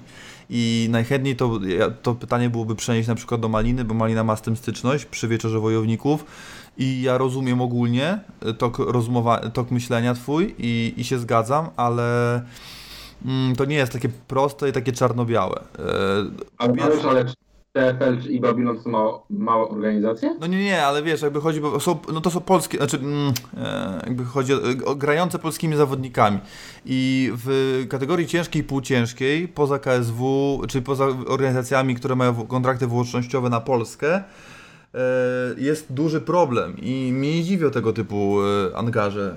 E, są też rekordy nie walczą. Pamiętajmy, że ci panowie nie przegrywali wyłącznie swoich walk i, i tyle. Natomiast też pamiętajmy o tym, że czasami ktoś wypada, my o tym nie wiemy, wskakuje ktoś na, jego, na zastępstwo i nie wiemy, że on do kogoś wszedł.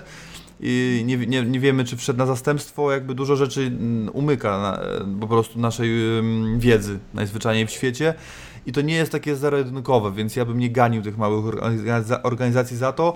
Zgodzę się a propos yy, Jerego Kwarsztroma, natomiast no, Jerry Kwarsztrom się trochę obronił jednak yy, tą walką z Hubertem.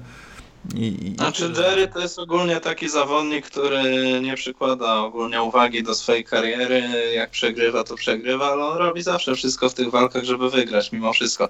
A nie jest zawodnik, który przyjeżdża, żeby się podłożyć, no jego rekord jest no, kiepski, ale zawsze próbuje, tak? Jest, za, za to go właśnie szanuję, że on bierze te walki w zastępstwie, nie przygotowuje się do nich zbyt y, długo ale próbuje, jest e, no, zawodnikiem, który może w każdej chwili zagrozić, bo jednak no, to jego jiu jest dobre, no bo no, wąflu wyczarować e, bez, e, tak jak tutaj Fabian powiedział o tych wszystkich okolicznościach, no to też jest materiał na jakiś film normalnie, no przyjeżdża gość, waży się na lotnisku, tutaj kilka dni przed, czy tam jeden dzień chyba przed galą przyjeżdża, jeszcze zdobywa pas, no to, no to mówię, no to, to tutaj można by było nakręcić coś o tym ogólnie, więc może Kawul podejmie się takiego wyzwania i, i stworzy taki film od lotniska po, z lotniska do, do mistrza, coś takiego, nie wiem jakoś to nazwać. Nie, no ogólnie to wiadomo, że takie sytuacje, a to są pojedyn, pojedyncze sytuacje, tego nie ma aż tak dużo.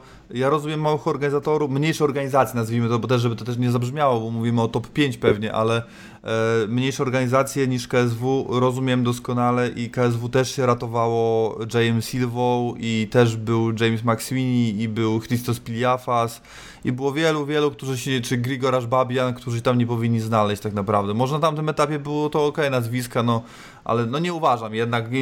Było wiele nazwisk, które się tam nie powinny pojawić.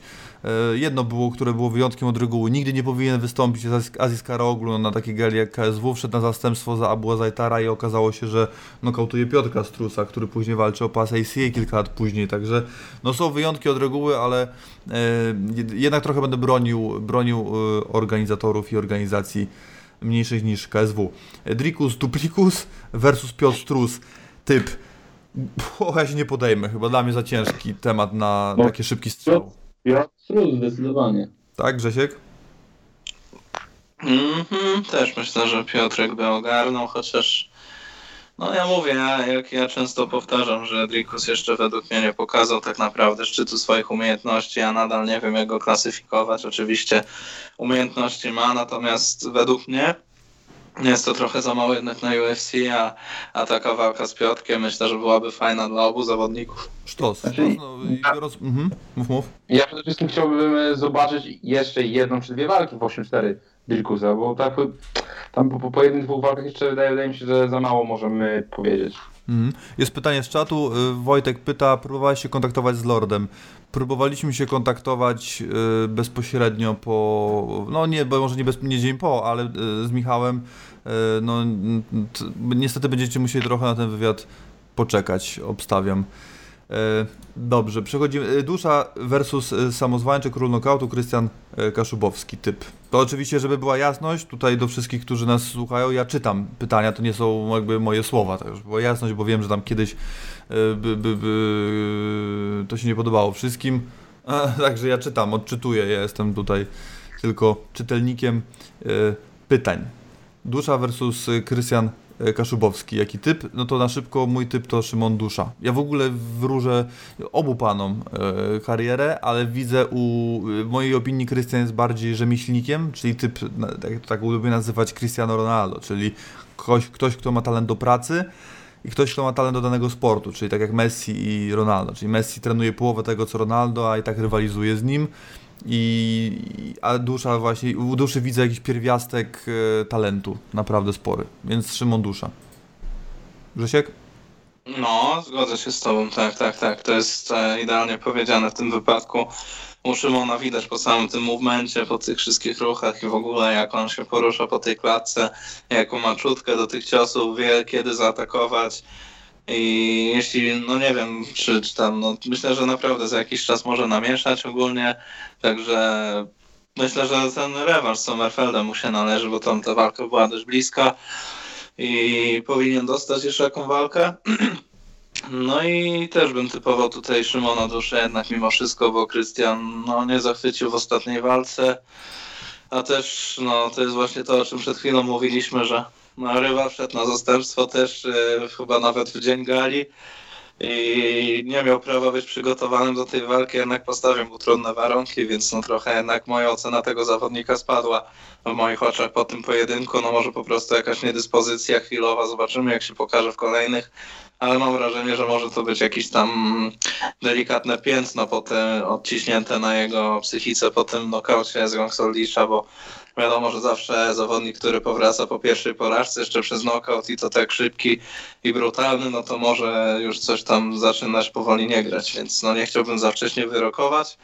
Zobaczymy po prostu kolejne walki Krystiana, dadzą nam myślę odpowiedź na to pytanie, które tutaj w zasadzie zostało poruszone, ale też bym typował Szymona i to tak myślę, że nawet 60 do 40. Mhm. Bartek? Ja tak samo jak wy. Wydaje, wydaje mi się, że Szymon Dusza udowodnił tym pojedynkiem z Kamilem Giatkiem, że jest e, naprawdę świetny, świe- świetnym zawodnikiem. Potrafi walczyć w stójce i w parterze i przede wszystkim no, yy, przetrwał to, jak no, mm, bo on przegrywał ten pojedynek z Kamilem Giatkiem, jednak prze, przetrwał to i zwyciężył świetny, świetnym stylu. Wydaje mi się, że no, Krystian Kaszubowski musi się je, musiałby jeszcze toczyć jedną, dwie walki do, w, dobrym, w dobrym stylu, żeby by coś zobaczyć, że potrafi coś, coś więcej niż tylko ten e, knockout, który po- który między, między innymi z Michałem Michalskim, nie?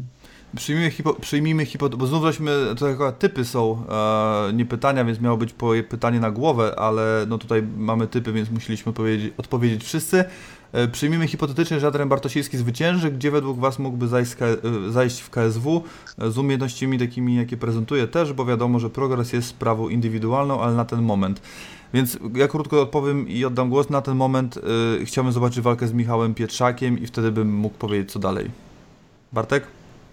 W mojej, w mojej opinii to, czy ja chciałbym zobaczyć pojedynek z Albertem Ozinkowskim, wydaje mi się, że mógł być dobry, dobry, ciekawy pojedynek. Wydaje mi się, że e, mógłby nawet on w, w, w zapasach przeważyć Alberta, więc jak najbardziej jestem, jestem za, za, za takim pojedynkiem. O, dla Ciebie Grzesiu mam pytanie. Top 3 najbardziej pechowych polskich zawodników. Dla mnie zdecydowanie czołówka to Irokes, idealny przykład gościa, któremu kontuzje odebrały w mojej opinii duże laury.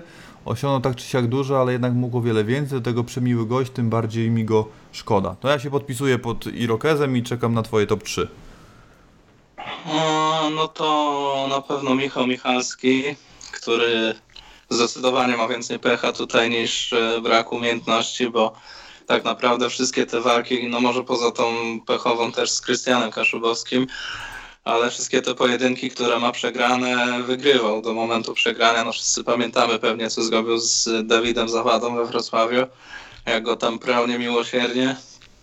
Więc no na pewno tutaj po prostu u Michała jakiś tam pierwiastek pecha grał. E, I gdyby, gdyby udało mu się to wyeliminować, to myślę, że na pewno byłby teraz w innym zupełnie jakby momencie swojej kariery. A kto jeszcze? No myślę, że też poniekąd Borys Mańkowski, bo miał w zasadzie pecha z tymi, nie powiem, że to były wałki, czy że to, że powinien wygrać te walki, ale tam niewiele brakowało zarówno w walce z Momedem, jak i w walce z Normanem, no z Soldiczem to tam akurat pominę, ale też te kontuzje, to wszystko, co go tam wyłączało na dłuższy czas z rywalizacji, więc to też na pewno. No i trzeci, no wiem, że dużo osób uważa Marcina Helda, ja się akurat z tym niekoniecznie zgodzę, że on miał pecha, bo tam w tym wypadku oczywiście tam jedna decyzja poszła kompletnie z Lauzonem, nie tam, gdzie powinna pójść. No ale z Sanchezem czy, czy z Hadzowiczem, no to jednak powinien te walki wygrać według mnie i to trochę akurat, to tam pecha nie widziałem w tym żadnego w zasadzie. No trzeci zawodnik, kurde, wam coś przychodzi do głowy No jeszcze? tak, tak. No to a propos Helda, to jednak, jednak się z Heldem zgodzę ze względu na to, że dostał bardzo... Od razu miał ciężko, no pecha miał z tym, że go Lauzon oszukał, pecha miał z tym, że dostał walkę trochę od fanów, yy, wygrał ją i tak nie dostał kontraktu, więc trochę pecha No, no jest z tym to może akurat tak, z tym to akurat Ale tak. najbardziej ale- pechowym zawodnikiem uważam, że jest jednak e, Anzor Ażijew. No. No może też tak być w zasadzie, bo też te Wielką kontuzje. karierę, mu, wielką karierę mu wróżyli, te uderzenia głową, te faule. e, Tak, tak. To do tak, Angora, ja, ja też powiem tak, znaczy, wydaje mi się, że przede wszystkim y, karierę mu zepsuło KSW, bo dla tak młodego zawodnika dwie walki w roku, no to jest, no, to jest masakra, no, on, on się nie miał jak pokazać i ten brak, brak doświadczenia e, w, w klatce, w następnych pojedynkach po prostu wychodzi. Mm. No więc tak, to, no to mamy więcej niż top 3 żeśmy wymienili. Możemy przejść śmiało dalej. Pytanie czysto spekulacyjne. Czy według Was Norman i Wrzosek zostaną w KSW do końca swych karier? Myślę, że Marcin Wrzosek na 100%. Bo kurczę, a z Normanem to nie wiem w sumie. Dobre pytanie. Nie, wydaje mi się, że Norman dostanie dobrą ofertę, to może być gdziekolwiek, nawet do tego Bernacle Championship. Bernacle, no, no to Nor- Park Lobow złoto, no. Grzesiek? Nowy wspierający, panowie. O, proszę, a to wyskakują takie rzeczy?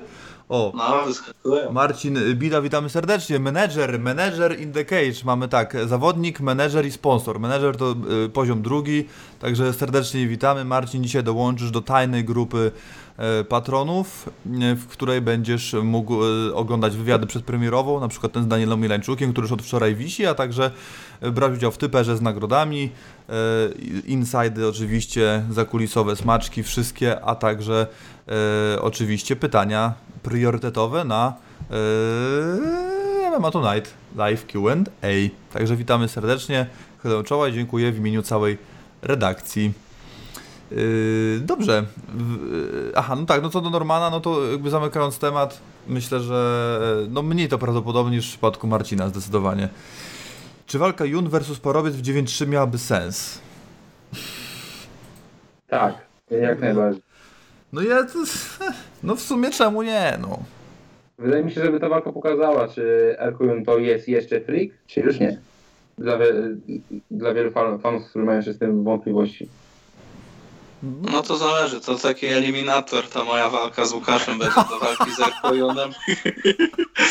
Także jak, jak Łukasz ze mną wygra, to No tak, to właśnie. będzie miał otwartą drogę do Erkojuna, a jak ja z nim wygram, no to ja powalczę z Erkojunem i wtedy O, wtedy, obalę wtedy Jun będzie mógł też udowodnić, czy jest freakiem, czy nie. No tak. Tak, dokładnie.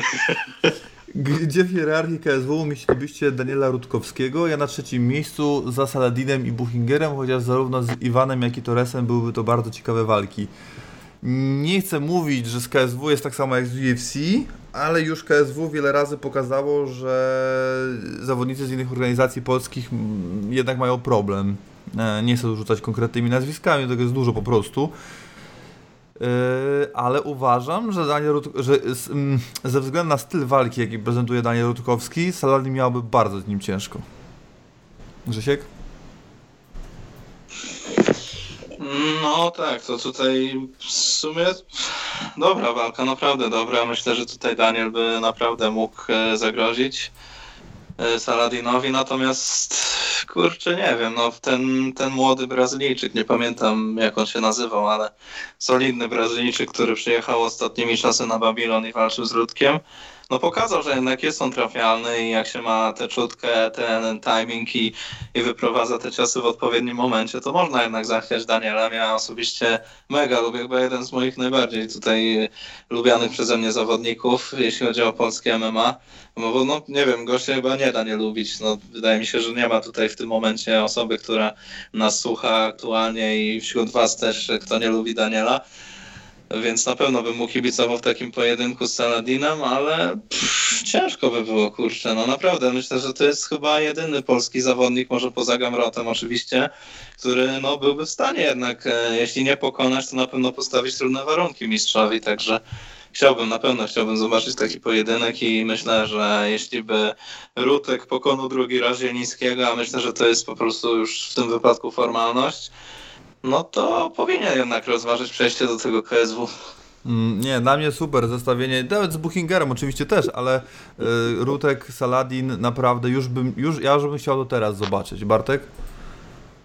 I ja tak, tak samo, ale moim zdaniem, tak jak y, powiedzieć, że znaczy, wydaje mi się, że ja bym chciał zobaczyć jeden pojedynek przed y, na przykład walką, walką z Saladinem, czy właśnie czy z Page'em, czy z Filipem, z Filipem Wolańskim. Ja, ja, zawsze, ja ostatnio jestem ostrożny z takimi właśnie e, mm, typowaniami, że mistrz jednej or- organizacji przychodzi do, do, organizacji, która jest e, wyżej w tym łańcuchu pokarmowym i tam chciał e, spus- spustoszenie.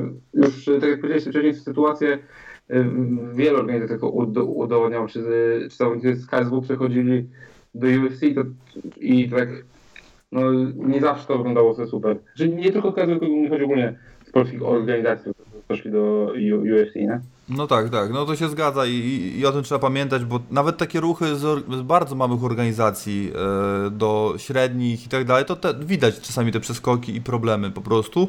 To też są problemy w głowie często z, z telewizją, z pay-per-view, z, z, z halą itd. itp., ale, ale tak, no, no nie każdy sobie z tym dobrze radzi i, i, i, i to też ma wpływ.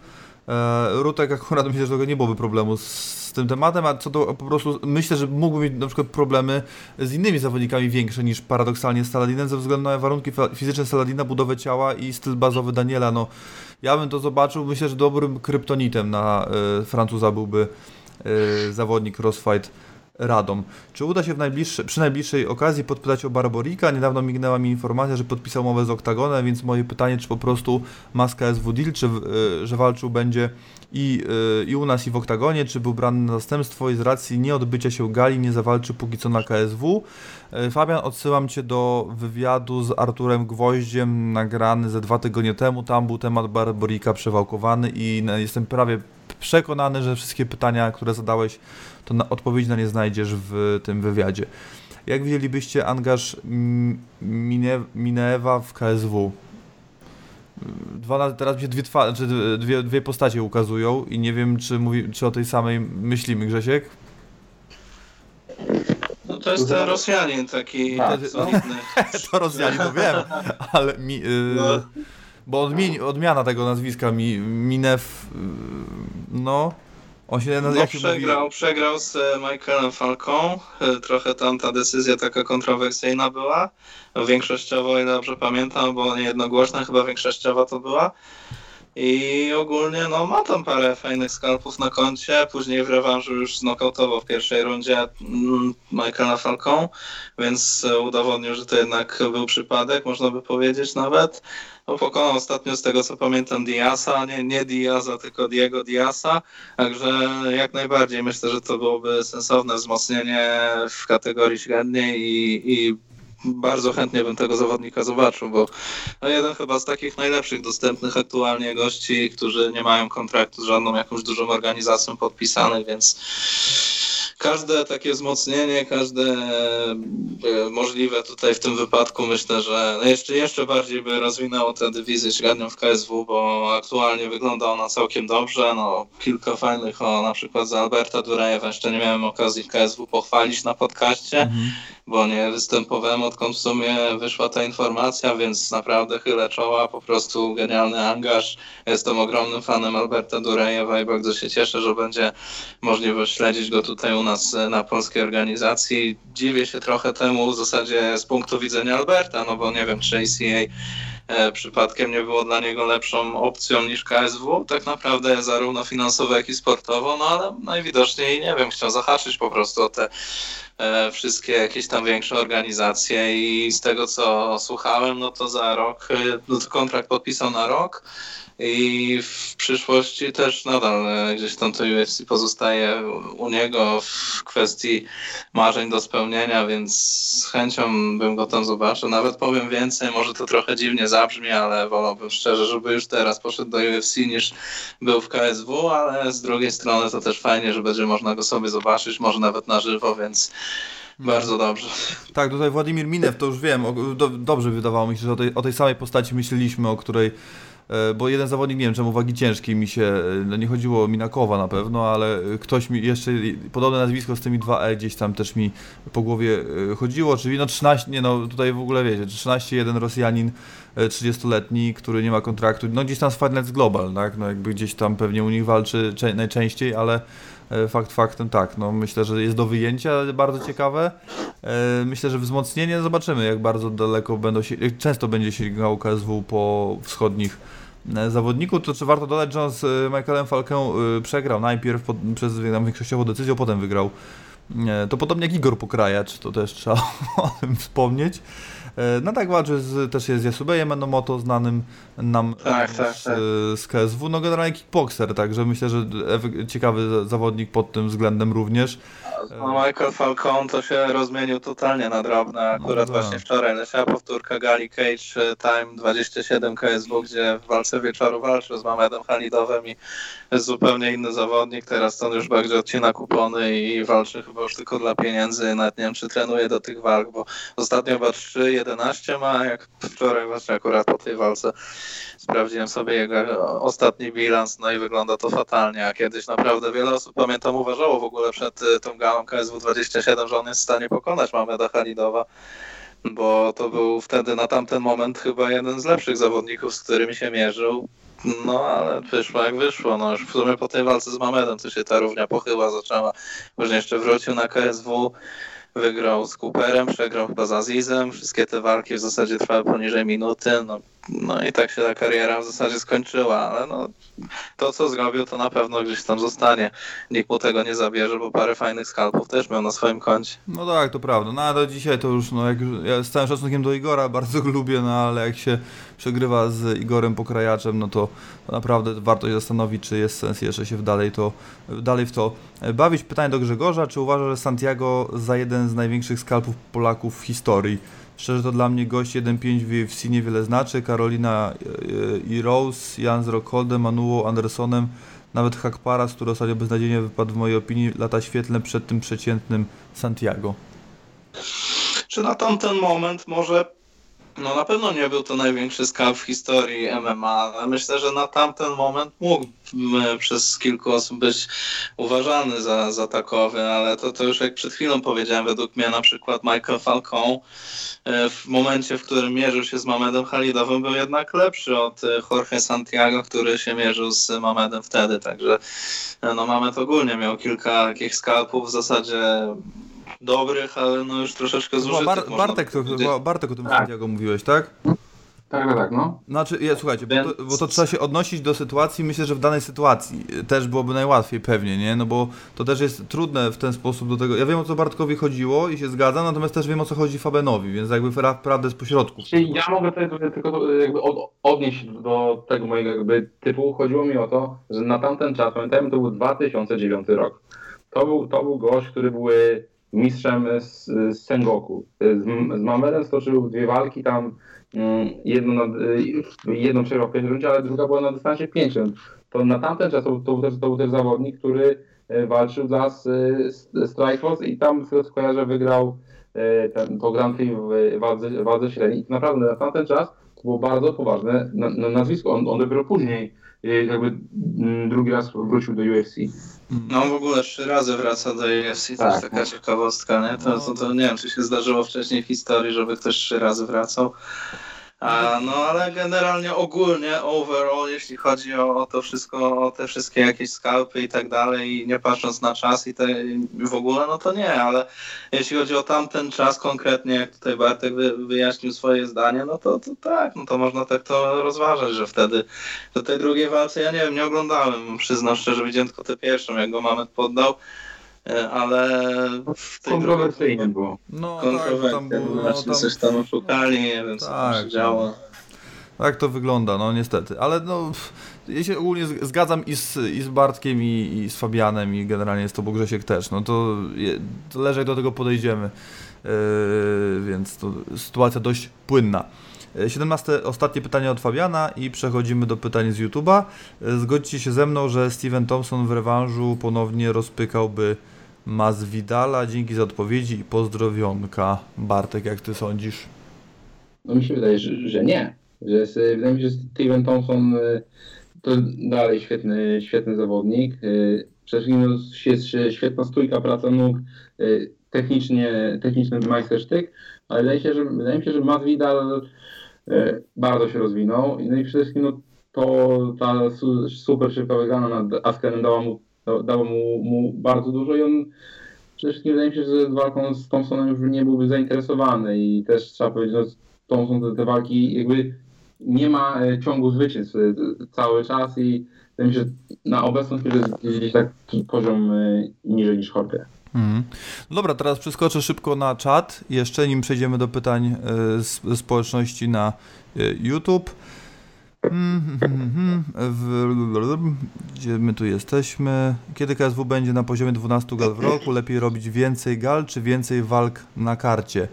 No to chyba o tym też trochę rozmawialiśmy i stanęliśmy. No nie, no 12 gal w roku to na pewno nie, bo jednak KSW bazuje na mm, mocnej promocji i te 6 to już jest dla nich duże wyzwanie, a więc wydaje mi się, że 12 gal w roku nigdy, że 6 może być więcej. Ale to i tak, tak doszło do mnie tak w sumie, jak właśnie wczoraj oglądałem tę galę i się zakończyła Mateusz. To, to była gala, która się odbyła w kwietniu KSW 27 a Mateusz Borek jak już się żegnał z widzami, to mówi, no to widzimy się w październiku, więc zobaczcie jaki kiedy był przestrzał tych gal. Kwietniu? Jak... Na pewno nie maj? To jest Sopot Ergo, to maj albo czerwiec nie. Nawet. No to może no, nawet maj, ale no, samo to, że, że dopiero w październiku ta następna gala się odbyła. Więc no nie, to wtedy KSW chyba dwie, trzy gale, no max chyba cztery, a nawet nie wiem, czy się cztery zdarzały wtedy żeby organizowali, więc i tak tych gal jest więcej i tak jak tutaj Mariusz powiedziałeś, zgodzę się z tym, że 12 to jest zdecydowanie za dużo. I nawet e, w, zeszłym roku, jak te trzy gale były tak w zasadzie w ciągu chyba 7 czy 8 tygodni zorganizowane, no to to było chyba trochę nawet za dużo według mnie. Jakoś nie czułem tego klimatu, tego tak, oczekiwania tak. na te gale. No bo to nie jest tak jak z UFC, że ja się jaram każdą kartą i w ogóle. KSW troszeczkę inaczej traktuje osobiście, bo KSW to jest coś, na co się dłużej czeka, na co się właśnie buduje te napięcie, promocje, wywiady, to wszystko.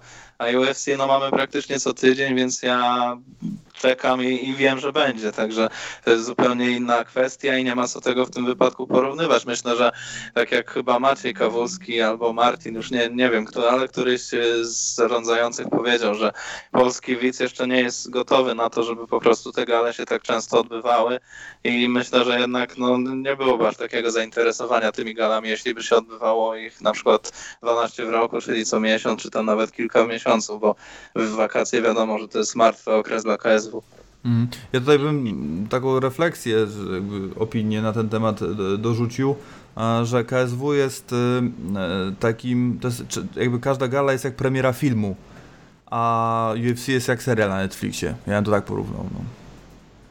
Ja, ja, ja przynajmniej tak do tego podchodzę. No. No to jest taki serial też Niemiec, w który się mocno wciągnąłem w takim razie. No to wiesz, to są świetne seriale na Netflixie, sam skończyłem dom z papieru właśnie, y, więc wiesz, super. Polecasz? Polecam, bardzo polecam. No, ja też byłem fanem Prison Breaka, którego dwa, se- jeden sezon, co ma 22 odcinki, w dwa dni obejrzałem. Także naprawdę czułem się, jakbym tam siedział w więzieniu razem z nimi. E, więc powiem, że tak, tak, no ja tak, ja, ja bym do tego tak podszedł, no we mnie, ja już do, wiele razy o tym mówię, że we mnie UFC nie, nie wzbudza e, jako cała gala emocji, tylko konkretne pojedynki, e, pojedynki Polaków, pojedynki mistrzowskie i nie, poszczególne starcia, po prostu, no, no, nie da się w, przy 40 galach rocznie jarać się każdą galą, jeżeli ktoś jara, ja zazdroszczę, ale ja już po prostu po, po 10 latach, czy prawie, no już niedługo 11, zainteresowania się MMA już nie, nie mam jakaś wyporność mi nastąpiła i już po prostu mm, selekcjonuję to, co mnie interesuje, stąd też y, mamy mniejszą wiedzę na temat spraw bieżących dotyczących takich gal jak Bellator, PFL czy, y, czy M1. E, także no to wy, wy, wynika z wybiorczego podejścia do tematu MMA, co jest spowodowane natłokiem rozwojem tego, natłokiem gali, rozwojem tego sportu na świecie po prostu. E, mm, jakieś pytanko, szukam, szukam, szukam. Pytanie, zagadka. Czyim świadkiem ślubu jest pokrajać? No nie mam pojęcia. Nie, ma, nie mamy pojęcia. Mm, Za rzadko to jest y, w materiałach różnych. Za rzadko tak jest. Ale no, no. A tym razem to ja powiedziałem o tym wywiadzie w zasadzie, a nie Rez. To jest ciekawostka. Nie? E, Powinni robić e, Piochopiry na, powinni robić więcej walk na gali, na przykład ze trzy walki undercardowe plus studio na YouTube i jako jeszcze podkręcenie pay-per-view przed galą. No, to jest to jakiś, jakiś, jakiś pomysł.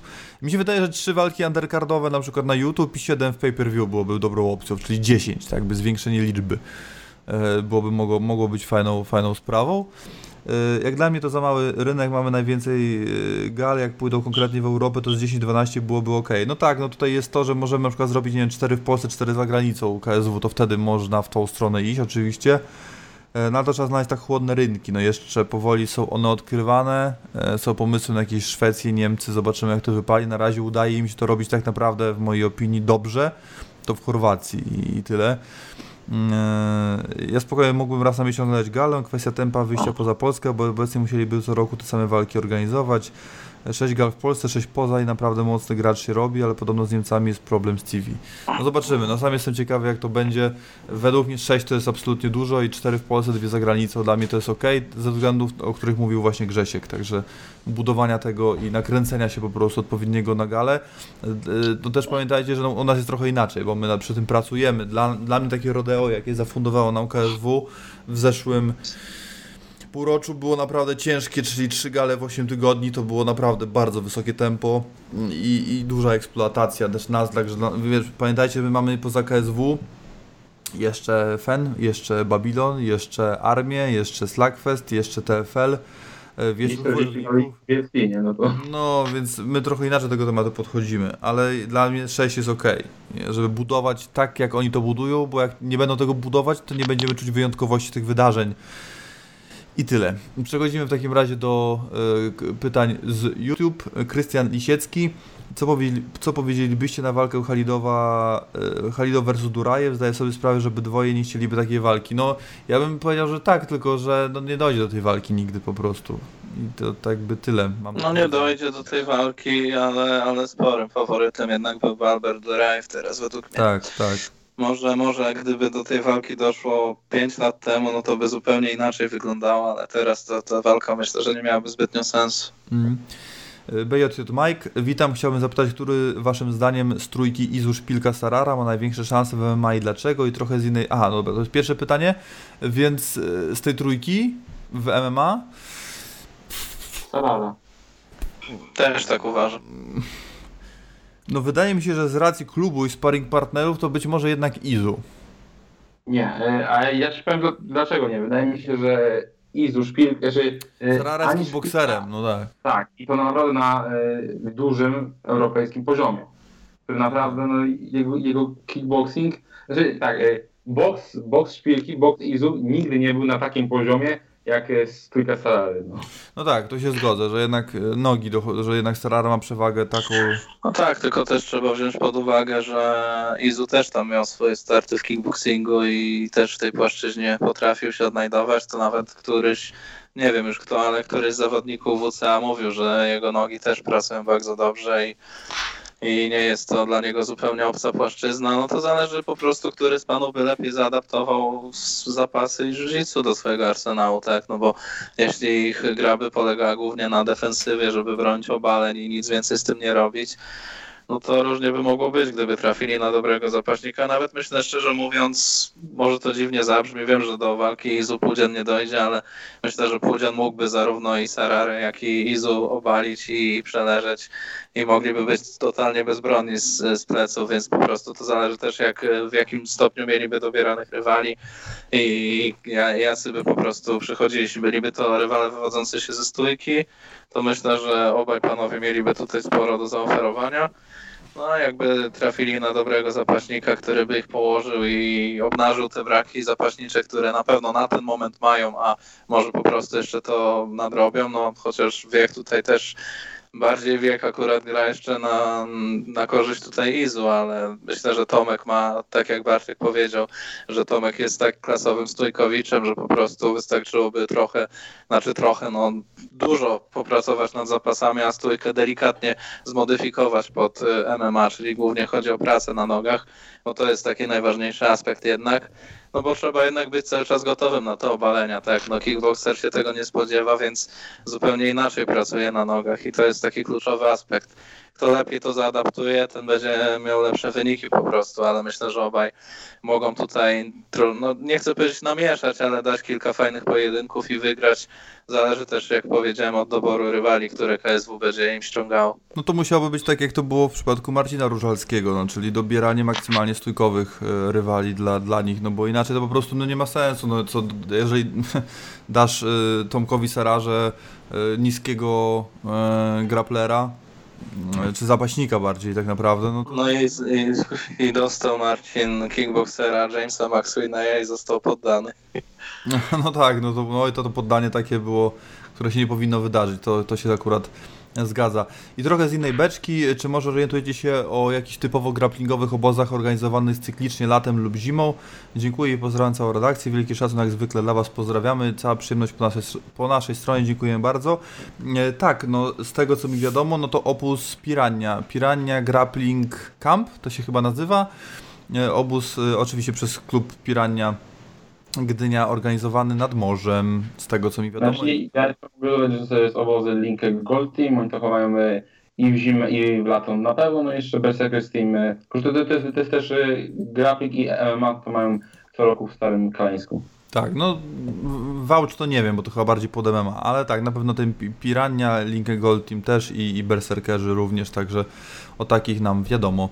Kraków czeka na galę KSW, taki nick, czy parafrazując słowa Kawula, polscy fani mają w dupie UFC.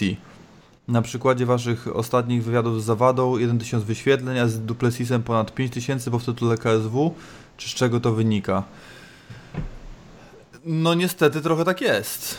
I, i ten, i nam jakby nie chcę jak dobrego słowa użyć, walczymy to nie, bo to nie ma co z, czym ani z nikim walczyć, natomiast staramy się to zmienić, e, robimy różne zabiegi mniej bardziej widoczne, e, aby to zmienić, no ale niestety jest e, no przykro, jak e, wywiad z Dawidem Zawadą e, ma e, ledwo w ciągu tygodnia tam dojeżdża do tysiąca odsłon, który jest naprawdę dobrym wywiadem. I to już kwestia podcastu, nie podcastu to jest jedno, natomiast no wywiad z Dawidem Zawadą, nie wiem, po jego walce miał tam 10 czy 15 tysięcy, więc, więc da się, że tak powiem, to oglądać, ale dziwi mnie to. I to, i to no Dawid jak Dawid, no powiedzmy, że on nie ma walki, nie było nic konkretnego, kontrowersyjnego, nie było nic takiego ze spraw bieżących, co go dotyczyło w danym momencie, jak się wywiad pojawił, ok, no ale przy Drikusie, tak jak mówiłem, no dla mnie jest to niezrozumiałe e, podejście fanów do tego, ponieważ fani piszą bardzo, bardzo wielu fanów e, na Twitterze, w, na YouTubie, na Facebooku, jakby pluje na friki, pluje na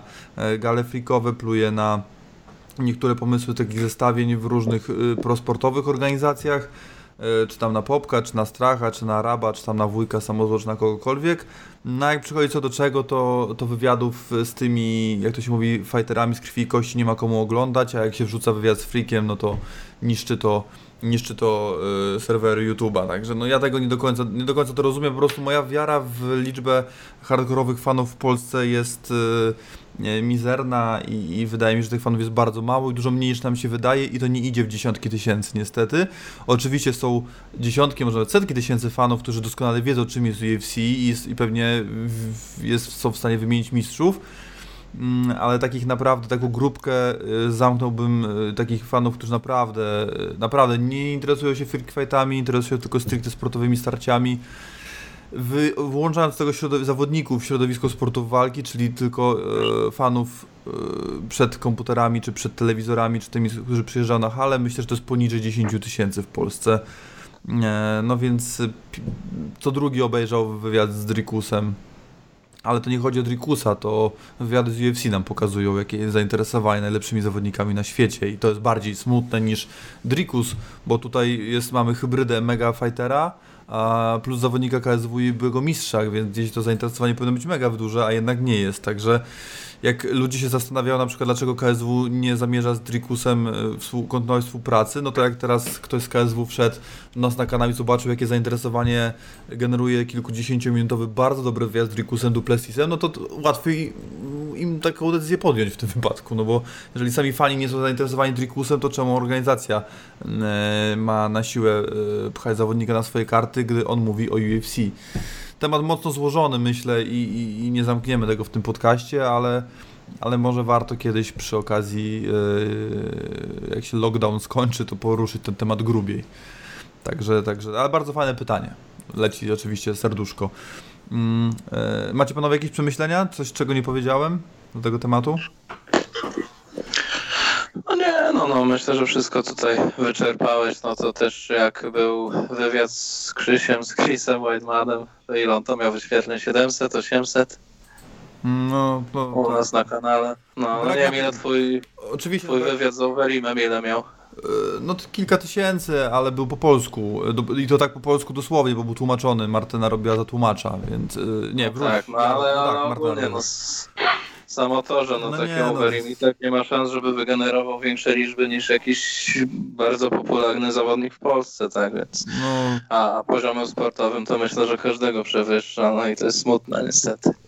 Tak jest I, i, i tak to wygląda i to widzimy i to no nie jest dobra tendencja, ale właśnie jako powtórzę to nie, po raz setny, jedyny portal, który regularnie jeździ na UFC, będziemy starali się to zmienić i pokazywać naszym fanom i nie tylko naszym fanom i widzom e, wywiady z zawodnikami, najlepszymi zawodnikami na świecie. Kropka. Przechodzimy dalej. Dawid Nowak, witam panowie, proszę o rozłożenie na części pierwsze. Kto wygrałby pojedynek, jakby doszło do takiego starcia i to jest dwa starcia. E, no nie mamy tyle czasu, żeby to rozłożyć na pewno na części pierwsze, więc raczej bym po, po dwa zdania Was poprosił. E, to może Grzesiek, e, Paulo Costa, Adesania. A to już mówiłem, to musisz się cofnąć do poprzednich podcastów, bo już A. pojedynek wielokrotnie rozkładałem, no ale tak na szybko, ja już mówiłem, że Adesania się bardzo dobrze czuje, jeśli ktoś na niego napiera, może sobie wtedy kontrolować tymi odchyleniami, może bardzo dobrze balansuje ciałem, bardzo dobrze pracuje na nogach, więc taki pojedynek będzie dla niego według mnie bardzo łatwą walką, jeśli nie da się ustrzelić, bo wiemy, że Paulo Costa ma naprawdę bardzo e, ciężkie pięści i ponadto fajnie mieszcza płaszczyzny ciosów, mocno bije też na korpus i myślę, że gdyby do takiej walki dojdzie, a na pewno dojdzie, to Paulo Costa przede wszystkim powinien się skupić na obijaniu tutaj tułowia Adesani, ale myślę, że nadzieje się prędzej czy później na jakąś kontrę, bo będzie napierał jak dziki, no chyba, że podejdzie bardzo taktycznie do walki, to wtedy wszystko się może zdarzyć, ale Adesania to jest naprawdę wytrawny kickboxer i w stójce myślę, że nikt nie jest w stanie go zaskoczyć niczym, więc e, tak 75 do 25 postawię jednak na Adesani. Conor McGregor, Ferguson. Bartek? Znaczy, mimo mojej wielkiej sympatii, bo jestem ogromnym fanem Conora McGregora, wydaje mi się, że no, w, tej, w tej walce i w stójce i w parterze przewagę miałby Tony.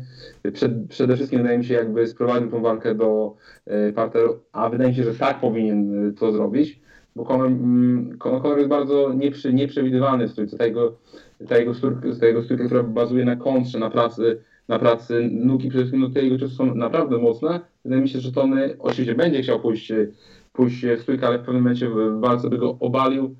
A jeśli chodzi o Partę, no to, to on jest bardzo kreatywnym zawodnikiem i y, że mógłby wykręcić świetne podanie Irlandczykowi. Mm. Ja, ja, krótko, Adesania Ferguson i przechodzę dalej. Szczytomaniak. Czy jeśli gale wrócą na wiosnę, to aktualne są plany co do wyjazdu redakcji na UFC? Oczywiście, że tak. Stąd też e, e, donaty uruchomione na naszym kanale, na które aktualnie możesz e, też patrzeć, czyli gala UFC w Dublinie. No, od, e, odpuściliśmy galę w Londynie i dobrze, no bo byśmy tylko stracili kupę kasy, bo nie moglibyśmy na nią pojechać. E, także e, no nie planujemy dalej. E, czekamy też na ogłoszenie walki Janka, ale no to też na razie wszystko jest w zawieszeniu. Wydaje nam się, że gala, która jest zaplanowana na 16 sierpnia, czyli w w Dublinie się odbędzie. Jeżeli ona się odbędzie bez publiczności, nadal to nie jest problem, bo media nie są traktowane jako publiczność. Także absolutnie tak, wyjazd na galę UFC w Dublinie jest jak najbardziej tak. Być może pojawi się jakiś wyjazd wcześniejszy. Oczywiście stara, będziemy starali się być na wszystkich galach UFC w Europie. No biorąc pod uwagę to, co się wydarzyło z Galą w Londynie, to w sumie nie ominęliśmy e, żadnej poza Galą w Moskwie od półtora roku, czy nawet więcej.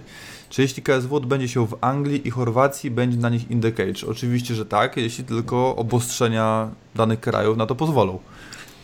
E, Przemek, czy uważacie, że, czy nie uważacie, że Martin Lewandowski trochę przesadza i jest skonfliktowany z każdym, kto nie jest w KSW albo nie pracuje dla KSW? Nieprawda. No nieprawda.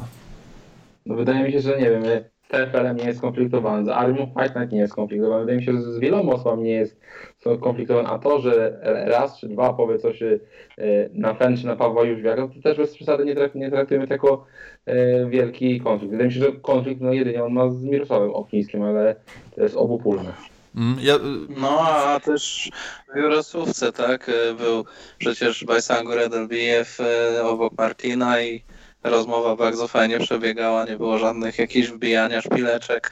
Nawet Paweł już jak dołączył tam e, do, do tego programu i też nawet z Martinem wymienili kilka e, zdań, więc myślę, że, że to jest troszeczkę jednak na, na wyrost ta teza, że jest skonfliktowany z każdym. Słuchajcie, Wydaje mi się, że pani na siłę próbują też, też zrobić właśnie, że, że Martin jest, jest jakimś wielkim wrogiem.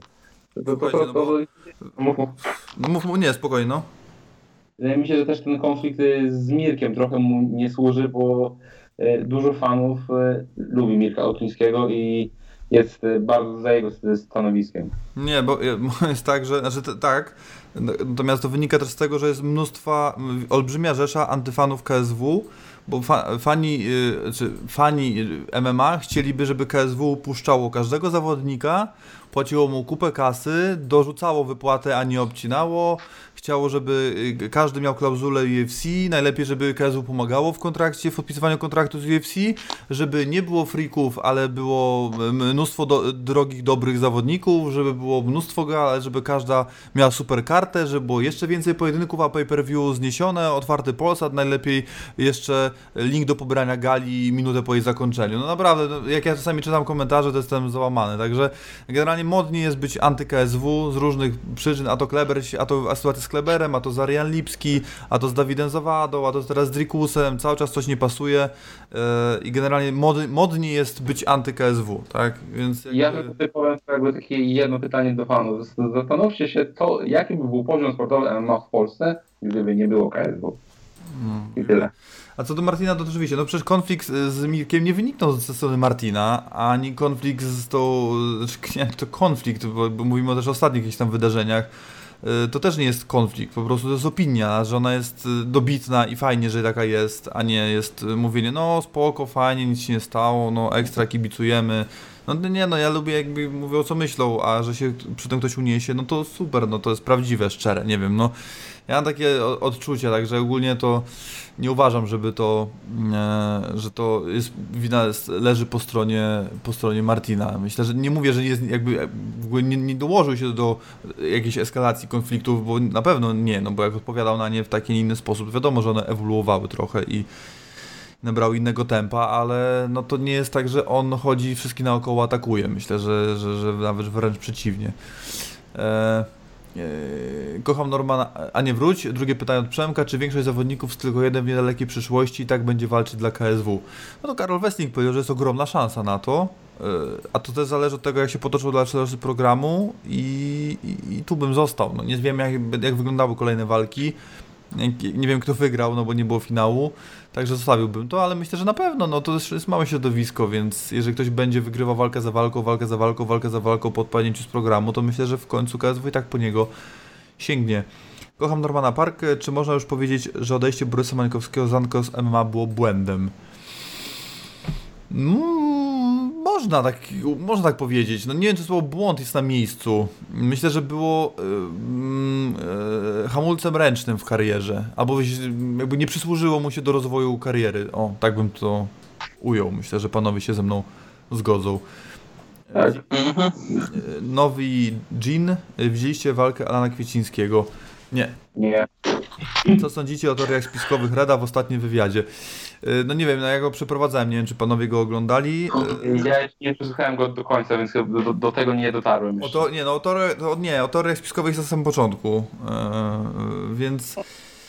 Yy, Kurczę, no, no, znaczy tak, ja się ogólnie zgadzam z tym, znaczy inaczej, jest mi blisko do sądzenia, do wyrażenia takiej opinii, że to, co się wydarzyło na świecie, nie wydarzyło się przypadkiem ale nie chciałbym już brnąć dalej, jakby nie kto, co, gdzie i jak.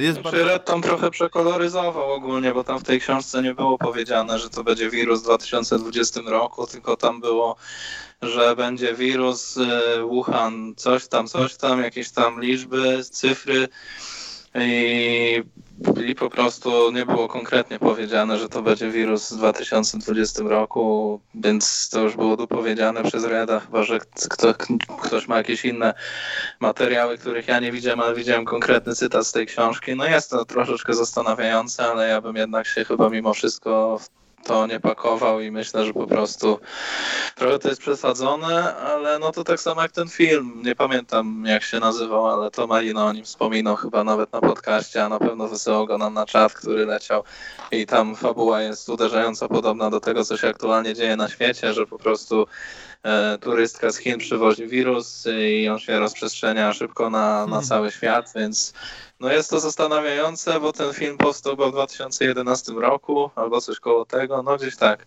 Więc no w 9 lat no dziwne trochę to jest, ale no może to być zbieg okoliczności, jakby nie patrzeć, więc nie wiem, ja nie jestem jakimś dużym fanem teorii spiskowych, raczej się nie doszukuję nigdzie jakiegoś drugiego dna, ale może ktoś, jeśli ma jakieś większe informacje na ten temat, albo niech później w komentarzu coś napisze, albo niech teraz na czacie, jeśli ktoś z osób obecnie nas e, słuchających ma jakąś wiedzę, więc chętnie, chętnie ją zgłębi ja nie jestem, e, znaczy nie, nie, nie, no nie, jest, nie mogę uwierzyć w, w, w, to, że niedogotowany nietoperz jest y, powodem tego, co się teraz dzieje na świecie. No po prostu w takiej prostej linii bym to ujął. E, Elvis 6630 Elvis, nie wydaje wam się, że Paweł Kiełek po powrocie doda tylko jedną, do tylko jeden wygrał walkę. No rozmawialiśmy już o tym w poprzednim odcinku, byłem na żywo, nie, nie wydaje mi się, że Paweł Kiełek wygrał walkę, ja tam, mi tam było najbliżej do opinii, że powinna być dogrywka. Ale nie jest skrzywdzony Paweł na pewno. I ten temat też żeśmy przerobili, więc możemy przejść śmiało dalej. Tobiasz G. Chyba obecny zresztą z nami teraz na żywo.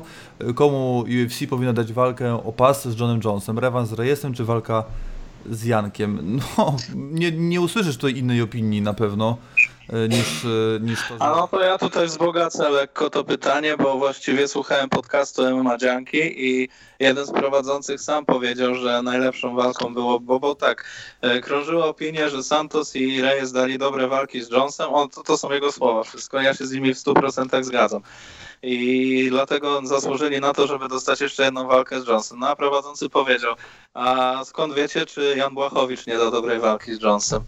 I stwierdził, że to jest jedyna opcja tak naprawdę dla Jonesa teraz, że powinien walczyć e, z Jonesem i to nawet w Europie, ale powiedział później, że no oczywiście szanse na to, że zostanie to zorganizowane poza Stanami są marne, no bo jednak Jones jest dużą gwiazdą pay-per-view, no i raczej będzie wystawiany na te gale numerowane, które się odbywają w Stanach Zjednoczonych, także to nie jest tylko opinia że wśród Polaków krążąca, że że Jones powinien w kolejnej walce się zmierzyć z Jankiem. Myślę, że wiele też osób, które, śledzą tę scenę za granicą, także ma podobne zdanie, co zresztą widać też w komentarzach na Twitterze, gdzie czasami się pojawia jeszcze ten temat, kto powinien walczyć. To też spora rzesza fanów zagranicznych głosuje jednak za Jankiem.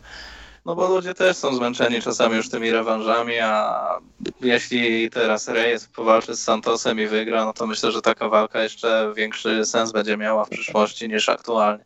Mm. Tobiasz, Gieski mógłby bronić pasa obecny mistrz wagi ciężkiej KSW Field the Free. No, pff, powinien tak naprawdę walczyć z Damianem Grabowskim, no bo takie starcie było pierwotnie przewidziane na galę KSW 50, także wydaje mi się, że, że, że KSW kiedyś mówiło, że jak jakąś walkę zestawia, to zawsze do niej doprowadza. No nie udało się Różala z Lebanerem co prawda zestawić, ale myślę, że tutaj no, w to bym szedł, no bo nie ma, no, nie ma zawodnika wagi ciężkiej yy, żadnego nowego poza Kontą Domingosz, Kontę Domingoszem, który tam nawet nie zadebiutował i może nawet nie zadebiutuje. Yy, więc to, nie mam pomysłów, no chyba, że mamy szukać w ogóle, tak, no to na tej zasadzie, no to tych trochę zawodników pewnie by się znalazło, no ale to już musielibyśmy się zagłębić w Fight Matrixa, a aż tak dużo czasu nie, mamy, żeby teraz zająć się tym szukaniem, także wybacz Tobie, Tobiaszu, ale na pewno jak nam jakieś nazwisko przyjdzie do głowy, to...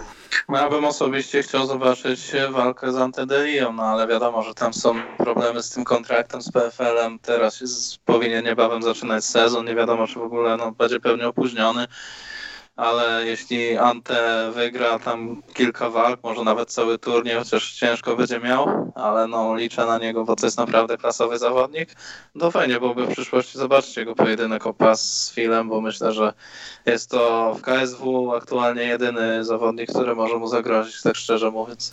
Hmm. E, e, tak CK, tak mi się wydaje, że taki jest nick y, anglojęzyczny. Top 5 zawodników, którzy robią najwięcej kilogramów do swojej kategorii. To możemy zrobić szybko burzę, burzę mózgów. Na pewno Kornik, Artur Kornik-Sowiński na 100%. Paulo Costa, bo on tam koło 130 kg nawet niedawno ważył. No y, Myślę, że Derek Lewis może być też tam blisko. Nie, raczej myślę, że on tam kilka raptem ścina. No, o, Anton Rumble Johnson. Y, no teraz na pewno. Na pewno dużo z, Grzegorz Szulakowski też sporo zbija. Myślę, że Borys Marcin... też dużo zbija, około 95 waży. Mar Marcin Wrzosek myślę, że też parę kilogramów zbija. Wydaje mi się, że Jorge Masvidal też, też tam wydaje mi się, że tam zbijał blisko 90. Tak, tak gdzieś mi się taka informacja kiedyś obiła o, o uszy. No to Tony Ferguson też koło 90 waży, a zbija do lekkiej, to w sumie chyba mm. więcej. No to takich po kilkanaście kilogramów to paru by się znalazło, ale tak, nawet ci ciężcy też, też zbijają z ponad 130 też. Wiem, że jeszcze o, o, o polskich zawodników to kiedyś jeszcze i Jewtuszko i Piotr Hanon zbijali bardzo dużo. Bardzo tak, dużo. Tak, tak. No Drikus jak do 7,7 to absolutnie tak, to też się zgadza. I Soldis też, oczywiście, oczywiście, że tak. E, czy Habib e, nie powinien iść do wagi półśredniej, bo jak wiemy ma ogromne problemy ze zrobieniem kategorii lekkiej, jak widzicie tam jego szanse pozdrawiam serdecznie. No nie zgodzę się, jeżeli póki nie problemy problemami, ale póki robi, to robi. Ja, ja, ja nie widzę tej kategorii dla Habiba. Znaczy to już było no mówił sam, że sam mówił, że nie, nie myśli o tym w ogóle i więc na tym chyba temat można zakończyć. Skoro sam zawodnik mówi, że nie chce tego robić, to po co w sumie to ciągnąć? Ale nie, no myślę, że lekka to jest idealna kategoria dla niego. Tak jest. Tobiasz G, kto jest najlepszym zawodnikiem w organizacjach KSW i UFC bez podziału na kategorie wagowe. A to ciekawe. No to w KSW... Mateusz Gamrot? No tak. Chyba tak. No, tak mi się wydaje. A w UFC... Khabib. Ja mi, a może... No. Sorry, Jones, dobra, Jones. Jones, Jones. chyba jednak. No. Jones. Ach, no niech będzie, ale myślę, że jednak... Znaczy, no nie no, trzeba, trzeba, trzeba też patrzeć na całą karierę. Dwukrotny mistrz, wiele zwycięstw z rzędu i, i a, a tam czy bierze, czy nie bierze, to mówi się trudno, nie? Nie zadałeś moje pytania, dałeś serduszka, masz dychę 10 zł. Dyszka wpadła yy, na donaty, dziękujemy serdecznie. Y, tutaj jakieś pytania z czatu szybko. Mm, mm, mm. Y, a to Maciek Pabis tak w teorii spiskowe wszedł. Y, Stefan Szabelka pisze, że wrzosek prawdopodobnie. Omilańczyk musi zbijać do 120, OPN1 pisze. No tak, to też prawda. Dobra, przechodzimy Tobiasz G dalej. Kto jest najprzystojniejszym zawodnikiem bez podziału na kategorie wagowe? No oczywiście, że Daniel Omilańczuk. No. A przez chwilę nawet się pojawił. Tak. Także i wywiad też dzisiaj będzie z najprzystojniejszym zawodnikiem bez podziału na kategorie wagowe, także tak. To musicie zaprosić dziewczyny na podcast i one się wypowiadają tak poważnie, ale z tego co mi wiadomo, to Daniel naprawdę jest w czołówce. Piącho Piryna tutaj, bo mam pytania jakby od najnowszych, więc to jest pytanie numer 4, ale jest jako chyba pierwsze przeczytane będzie. E, jak to jest, że KSW potrafi w swoich social mediach non-stop napieprzać post o programie tylko jeden, a o swoich zawodnikach wrzucą tylko grafikę urodzinową raz do roku i plakat o walce, czyli w sumie też raz do roku, a potem się dziwią, że zawodnicy mają mało lajków. Eee, kurczę, no znaczy, tak, to, że o tylko jeden, to mnie nie dziwi. Po pierwsze, dlatego, że nie mogą nic o gali wrzucić, bo nie ma gal, są odwołane. E, więc to po pierwsze, a po drugie dlatego, że to jest ich nowy projekt, nowe dziecko, więc chcą to wypromować jak najmocniej. To jest oczywista oczywistość w mojej opinii. E, a co do reszty, no to to nie, e, jakby KSW w momencie tego, jak walki gale są, no to organizuje Media Day. To nie organizacja, organizacja promuje zawodników poprzez zaproszenie mediów też i o tym pamiętajmy. Także mamy Media Day, czyli mamy Fight Week, Fight Week, czyli Media Training, mamy y, ważenie, mamy y, galę, wywiady po, to coś tam jeszcze w międzyczasie też my, oczywiście każda redakcja coś tam sobie dokręca, także absolutnie to też ma wpływ, więc wydaje mi się, I że też, nie. Pamiętam, że też przy okazji każdej gali, tam KSW na swojej stronie umieszcza tam różne, różne materiały promujące swoich, swoich zawodników, to nie wiem, droga do KSW i tak, tak. dalej, i tak dalej. I my, czy inne, inne redakcje też to wypuszczamy, więc... Tak, tak, tak. Nie, nie, tutaj myślę, że akurat w okresie, e, fakt jest taki, że pomiędzy galami e, poszczególny zawodnik ma, znaczy inaczej, każdy zawodnik, e, promocja danego zawodnika jest skupiona wtedy, kiedy on walczy, a kiedy nie walczy jej nie ma. Tu się zgodzę, o, to taką, do takiej konkluzji bym doszedł. Kraków czeka na galę KSW. Podajcie swój ranking, na przykład top 5 lub więcej hal widowiskowo-sportowych w Polsce, które najbardziej Wam się podobają. No to więcej niż top 5 to będzie na pewno ciężko, yy, więc yy, w... Ogliwice, Spodek, Ergo, Tauron, no i Atlas chyba, no. No ja lubię Torwar ze względu na to, że yy, z, z, perspektywy fana mówię, no bo z perspektywy pracy to jakby nie, to nie ma znaczenia dla Was. Więc jeżeli chodzi o widza, no to no Torwar dlatego, bo masz najbliżej wszystko. W ogóle w tą stronę bym szedł y, jako, y, jako fan. No ale tak, no Ergo, Tauron, Atlas, y, Spodek i Arena Gliwice pewnie. No nie ma co tutaj szukać. Aczkolwiek ja się na przykład na hali Globus w Lublinie mi się bardzo podoba też. Mniejsze hale mi się podobają ze względu po prostu na to, że masz wszystko blisko widzisz i to jest super. Jakby od tej no ja byłem naprawdę pod mega wrażeniem hali w Gliwicach, super jest zrobiona. Byłem w grudniu na gali KSW w zasadzie ostatniej, która się odbyła, więc super. I no ogólnie Atlas Arena też fajnie, bo też miałem przyjemność tam być. I Spodek również odwiedziłem, ale no widać, że te hale są jeszcze w starym budownictwie i po prostu no są takie bardziej no nie chcę powiedzieć klasyczne, ale no zupełnie inaczej były kiedyś stawiane niż te aktualne, niż te w Gliwicach chociażby, więc no na moim pierwszym osobiście miejscu jest na pewno Gliwic, jest na pewno hala w Gliwicach, także. Mm. Bartek? No, na moim pierwszym miejscu jest e, Ergo Arena w Gdańsku. Znaczy, no ja na tej hali byłem najwięcej, najwięcej razy jako fan i tam jeszcze wcześniej byłem w innej, w innej redakcji. E, super, że też w tej e, hali się pracuje, super się ogląda, jest w fajnym miejscu umiejscowiona. Dla mnie to i, i no te gale generalnie zawsze w Ergo, gdzieś tam w maju, to jest super rozrywka. Hmm. No tak, tak to wygląda. Piocho Piryna pyta dalej, czy według Was uda się ura... A wróć, 8-4 to obecnie chyba najmocniej obsadzona kategoria w KSW. Gdybyście mieli ułożyć ranking dywizji średniej, to jakby on wyglądał? No cały ranking dywizji to, to ciężko, to jest raz, a dwa, że się nie zgadzam do końca z tym, że najmocniej obsadzona, bo najmocniej obsadzona jest zdecydowanie kategoria lekka w tej chwili. Ale top 3, no to myślę, że Askam, Halidow, e, Materla, ponieważ panowie, którzy zostali zakontraktowani do tej kategorii, jeszcze się nie mieli okazji pokazać. Coś dodać? No i gdzieś blisko też Cezary Kęsik no się tak. kręci wokół. To też trzeba o naszym perspektywicznym zawodniku wspomnieć. A na piątym miejscu, no w sumie większość jeszcze nie zadebiutowano. Chyba Drikus właśnie, no. No i może później gdzieś te I to, I to tyle, mamy pra, prawie całą kategorię mamy już yy, prześwietloną. Tak? No jeszcze Abus, jest Nie, no, jeszcze a to nie bez, bez debiutu, bez debiutu. Jeszcze Damian Janikowski. No tak, no, ale to jednak jeszcze muszą się y, zawsze. No, o Durajewach akurat nie będę martwił, czy o Magomedowa, y, o ich debiut, ale tak. Y, Piocho Piryna pyta dalej, czy według Was uda się KSW uratować majową galą, pierwotnie 55 w jakiejkolwiek formie? No, w sensie, nie, nie wiem jaki jest termin w sumie tej gali. No, strzelam, że ostatni weekend maja, ale mm, mm, no myślę, że nie. Myślę, że nie zostanie ona zorganizowana w tym terminie, w który był planowany, z jakimkolwiek numerem to nie było, nawet w wersji studyjnej.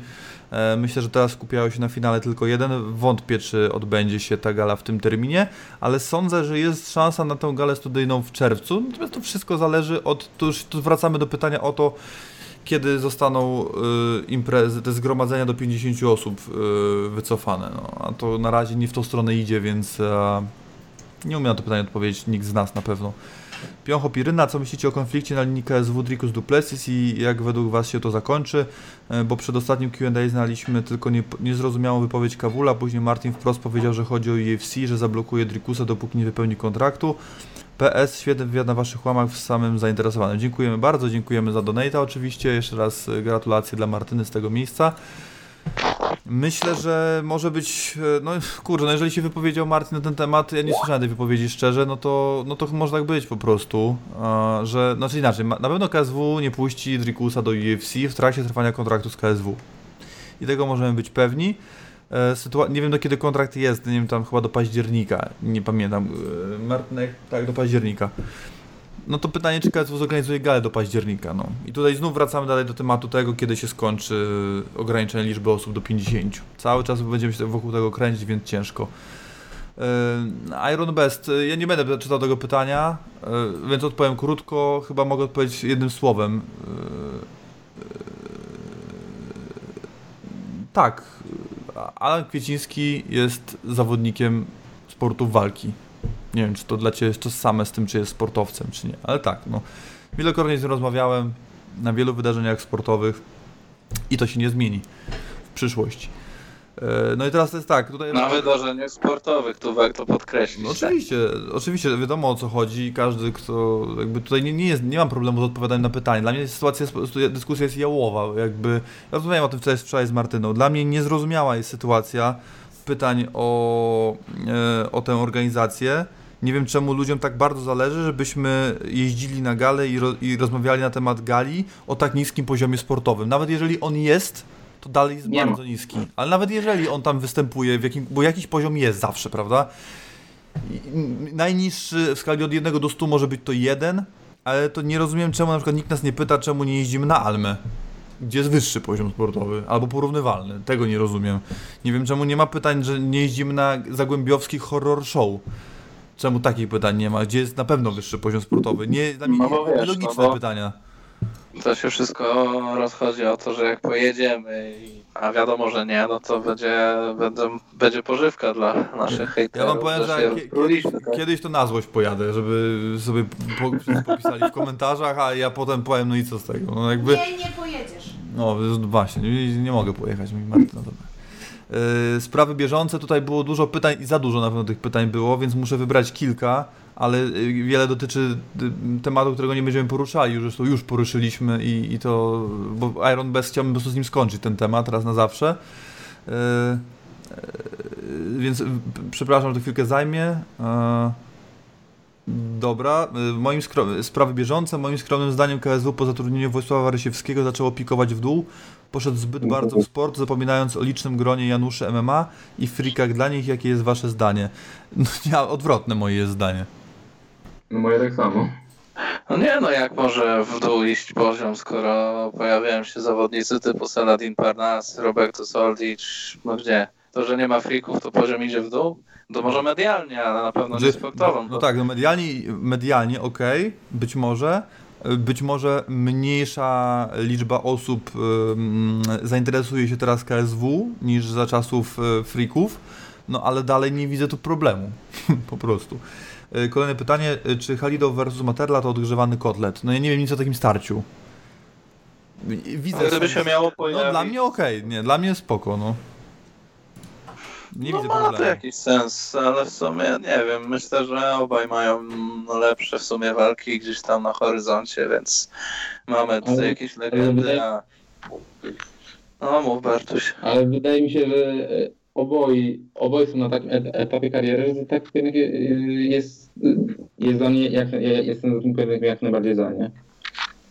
Mhm. To też trzeba wziąć pod uwagę to, że obaj nadal są tymi gwiazdami głównymi KSW i w sumie jeśli którykolwiek z nich by teraz przegrał tę walkę, no to znowu ta kariera mocno wyhamuje. Gdyby Mamet przegrał, to już by była jego czwarta z rzędu porażka, więc no sporo by jednak stracił w oczach e, kibiców. No a Matella też ta, no, no, no ostatnie walki to tam tylko ze Scottem przegrane, ale jakby kolejna się z Mamedem zdarzyła, no to też by wyhamowała ta kariera, dlatego ja patrząc z perspektywy e, matchmakera KSW czy zarządzającego tą organizacją, no to bym takiej walki na ten moment na pewno nie zorganizował, dlatego że może jednorazowy byłby to strzał, ale w przyszłości trzeba by było dalej gdzieś odbudowywać te gwiazdy, a byłoby to zdecydowanie trudniejsze po serii porażek niż teraz jest na przykład, więc za jakiś czas ok, ale teraz myślę, że jeszcze nie.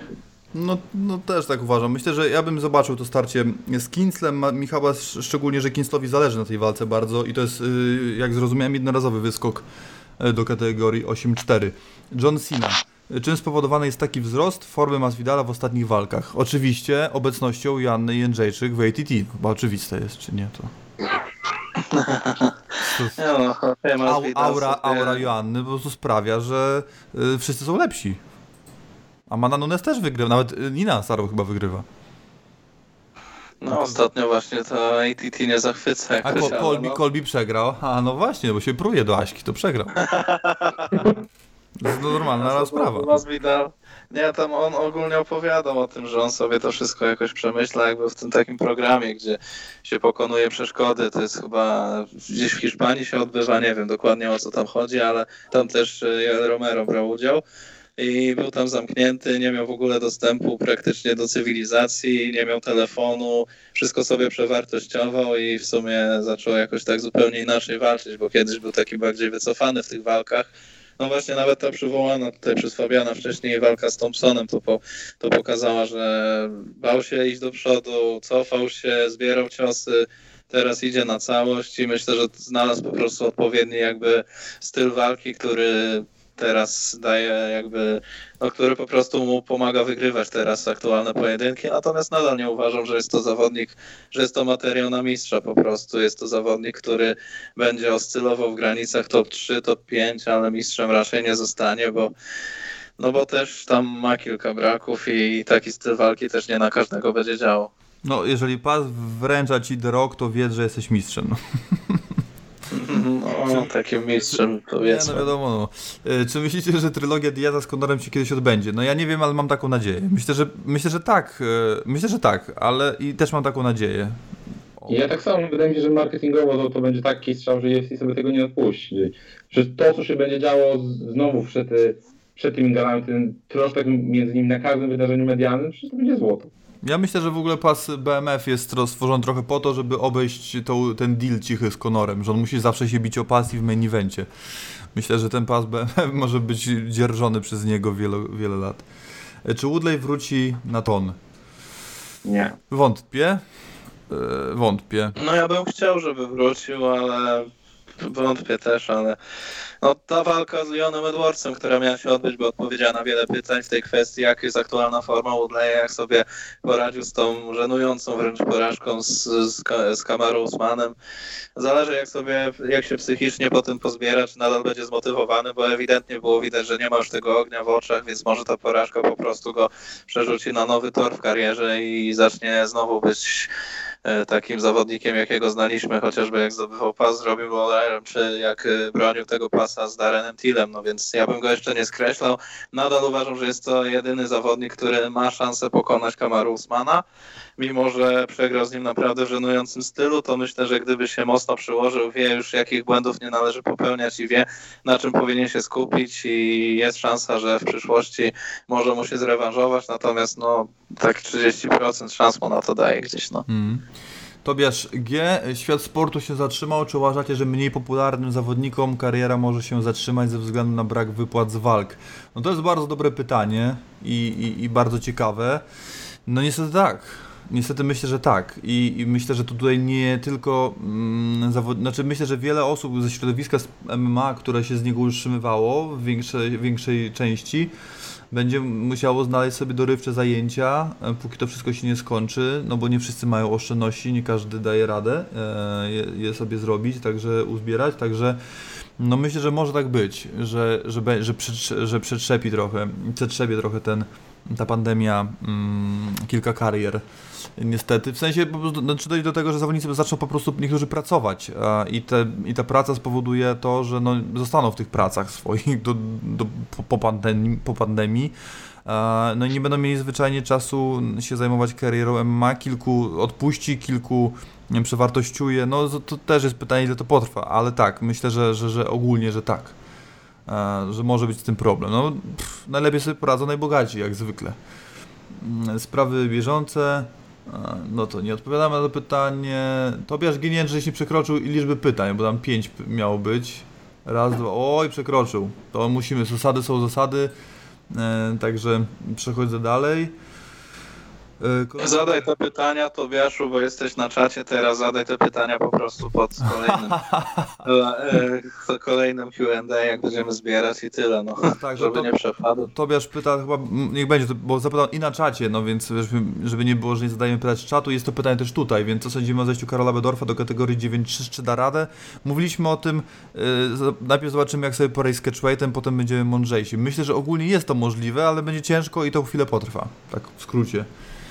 Mm, mm, mm.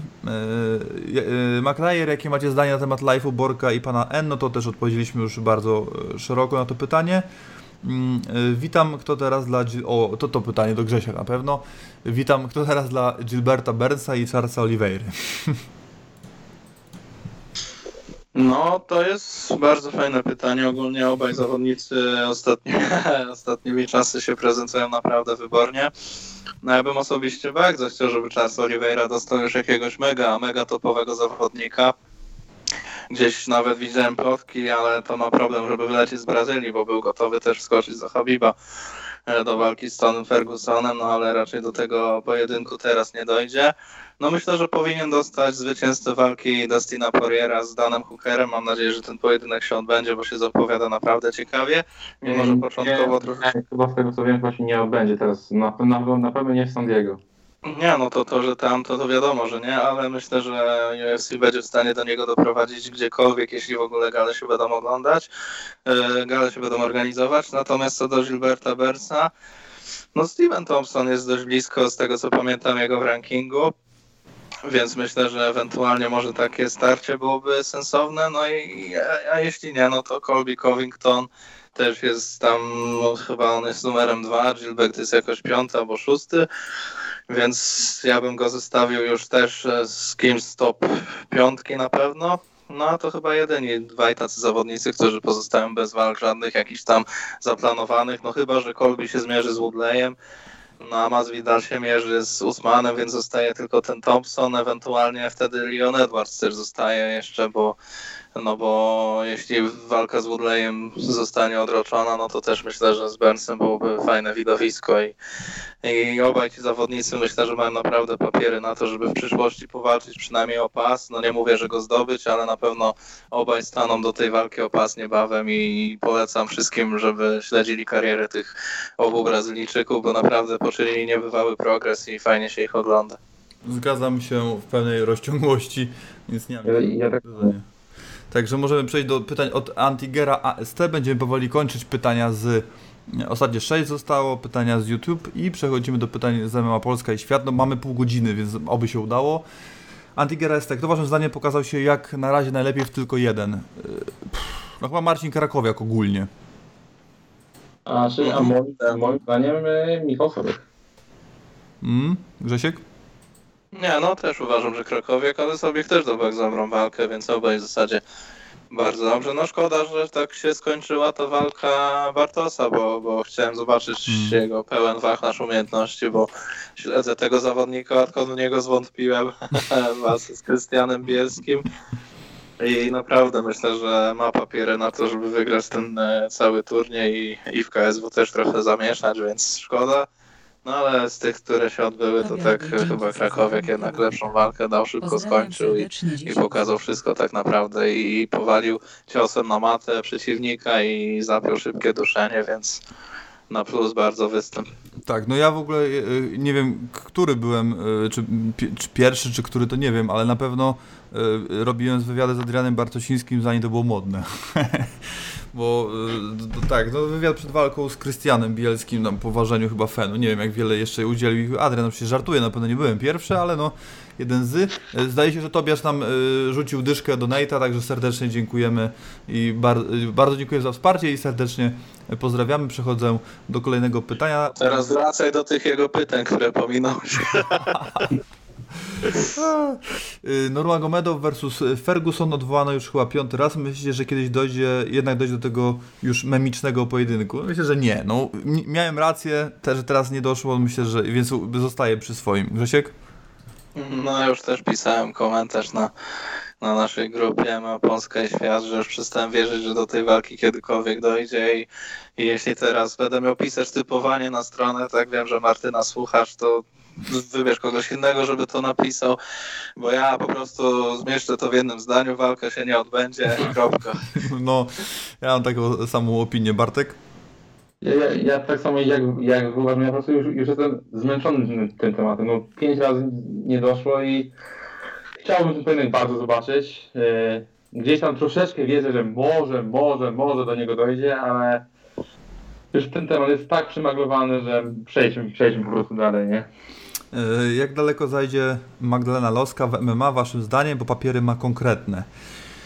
Fuh, no trudne pytanie, ponieważ jakby zdecydowała się przejść na MMA i nim zadebiutowała, no to wydarzyło się to, co się wydarzyło. Już wszyscy wiemy, czyli oczywiście pandemia, ale kurczę, no to zależy od tego, w jakim tempie będzie jej przychodziła płaszczyzna stójkowa. Bo parterowo nie mam mowy, żeby jakakolwiek zawodniczka w, kraju ją poddała, jakakolwiek. Mówię o Jany Jędrzejczyk również, ponieważ jak wiemy z wywiadu, wy wiecie, wy wiecie z wywiadu, Joasi się nie udało podać e, Magdalowski w ogóle. Więc, no czy może to się wydarzyło kiedykolwiek w ogóle, ale jakby jak, ostatnio jak była, jak pytałem o to, to powiedziała, że na, Magda powiedziała, że na pewno kiedyś jej się uda, tak dyplomatycznie. Wybrnęła, więc jeżeli się Joasi nie udało, to myślę, że nie uda, nie uda się też e, ani Karolinie Kowalkiewicz, ani Anicie Bekus, ani Karolinie Owszem, ani Ewelinie Woźniak, ani Karolinie Wójcik i tak dalej, tak dalej. Oczywiście tego nie wiemy, dopóki panie tego nie sprawdzą, nie spróbują w walce MMA przede wszystkim, a nie grapplingowej, no ale uważam, że to się nie uda żadnej zawodnicy, ponieważ no, Magda postawiła, całe życie jest grapplerką, także małe prawdopodobne, żeby szlifując jedną płaszczyznę przez tyle lat dać zrobić sobie krzywdę, będąc taką tytułowaną zawodniczką jak, jak Magda Loska, za którą bardzo mocno trzymam kciuki. A jak daleko zajdzie? No mam nadzieję, że, że będzie takim, e, takim e, Robertem Drysdale'em w spódnicy. Tego jej serdecznie życzę, ale tak jak powiedziałem, to zależy od tego, jak będzie radziła sobie świetnie też z zapasami e, ofensywnymi, bo jak będzie potrafiła uniknąć stójki i przenieść walkę do parteru, to będzie za każdym razem z górki. Biorąc pod uwagę też to, że y, poziom kobiecego MMA jest jednak minimalnie niż, no minimalnie, jak, zależy na jakim poziomie oczywiście, której organizacji, ale niższy e, niż mężczyzn z racji tego, że jest krócej po prostu żeńskie ma e, istnieje jakby mm, na świecie w skrócie, to, to, to po prostu będzie miał trochę łatwiej je poddawać przy swoim skillach, które e, są na poziomie na pewno też wyższym niż większość zawodników MMA. Także no ja czekam z niecierpliwością i, i, i się jaram, ale będzie duży problem ze względu, z dwóch powodów. Z racji tego, że e, kategoria wagowa to jest raz, a dwa Magda nie będzie brała pojedynków za 500 zł. I, temu, I też się nie dziwię. Także to jest moja opinia. Macie coś panowie do dodania? A powiedz mi, a w jakiej kategorii Magda chce startować? 6-1. Znaczy no na pewno będzie wiele, tylko mówię, no to na razie to takie zwróżenie z, z sposób. Pamiętajmy, że jiu-jitsu to nie jest MMA i ja tu, znaczy, ja jestem przeciwny takiemu jakby gloryfikowaniu, że ktoś jest bardzo dobry, nie wiem, w stójce, w jiu i, i, będzie e, świetny w MMA. To wiele razy się nie sprawdzało i wydaje mi się, że tu Magda może mieć ciężko. No wiadomo, jak będzie, będzie dostawała na samym początku takie, rywal, e, takie rywalki, jak Róża Gumienna, od, jeśli chodzi o ten poziom, poziom sportowy, to jak, jak najbardziej będzie będzie, wygrywała, podawała w, pierwszych, w pierwszej rundzie, ale później może być e, ciężko, tym bardziej, że ta kategoria wagowa jest dobrze rozbudowana. No tak, no walka to Ja bym taką hybrydę stworzył. Ja bym taką hybrydę stworzył róży gumiennej z Magdaleną Loską. O, panie. O, to. Byśmy mieli mistrzynię kolejną w UFC, Amanda Nunes, strzeżcie. Tak jest, tak by było. Jeżeli by doszło po tym całym obecnym pierdolniku do walki Usman versus Masvidal, to na kogo stawiacie? No ja na Usmana. Grzesiek? Tak, też Usman. Bartek? Zdecydowanie Usman. No, zapas Usmana i mm, prowadzenie walki, walki przez niego to jest majstersztyk. Jakie będą skutki tego, co się teraz dzieje w przyszłości MMA, jak i życia codziennego? W skrócie, jak bardzo dostaniemy po dupie? Myślę, że bardzo, ale myślę, że nie wiemy jeszcze jak bardzo. tak bym to ujął. No. Ale bym zwrócił, ja bym poszedł w stronę tego, co napisał na swoim Instagramie niedawno Maciej Kawulski. Skupmy się może na pozytywach. Ja na przykład uważam, że to jak, jak zwolnił czas, ja wiem, że punkt widzenia zależy od punktu siedzenia, ale to jak zwolnił czas yy, ma bardzo dużo plusów. Ja dzisiaj wyszedłem, gadałem, gadaliśmy o tym dzisiaj też i z Martyną i na czacie. Wyszliśmy dzisiaj na balkon i ja czułem inne powietrze. Po prostu. Nie wiem, i to, no nie wiem, to, kogo to cieszy, no, ale niektórzy no to nie zwracają uwagi. Na przykład też Red zwrócił uwagę na to, że yy, na przełomie marca i kwietnia nie było aż tak wielu słonecznych dni nigdy, jak jest teraz. E, to jak przyroda odżyła, to, że w Chinach zobaczył gwiazdy, to, że to o czym pisał Maciej, to, że w Wenecji się pojawiły ryby, e, to, że przyroda odżyje i to jest naprawdę mega i nie zdajemy sobie z tego sprawy. To wszystko niestety przypadnie w końcu, ale, ale e, cieszmy się tym, co, co jest na plus, też tym czasem. Ja naprawdę, ten live jest dzięki temu, że jest ta pandemia, bo w końcu miałem czas się tym zająć tak, jak powinienem. E, też to rozbujanie tych e, wywiadów na Skype'ie, jakby dotarcie do osób, do których było często, często też ciężej dotrzeć.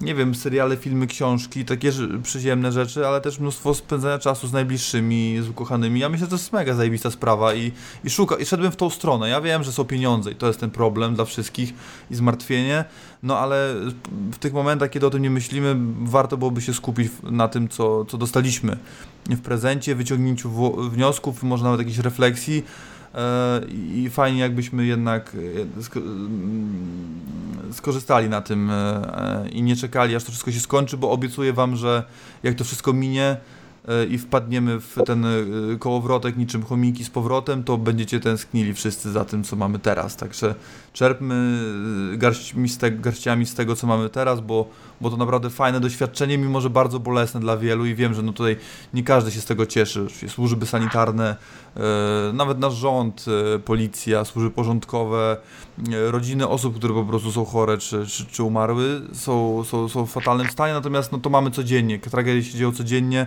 Także kto może, wiem, że to nie jest y, sytuacja liniowa dla wszystkich, ale kto może, nie korzysta z tego y, i czerpie same tyle pozytywów, ile się z tego po prostu da wyciągnąć, bo każda sytuacja ma jakieś pozytywne aspekty. No taka, taka jest moja opinia, panowie.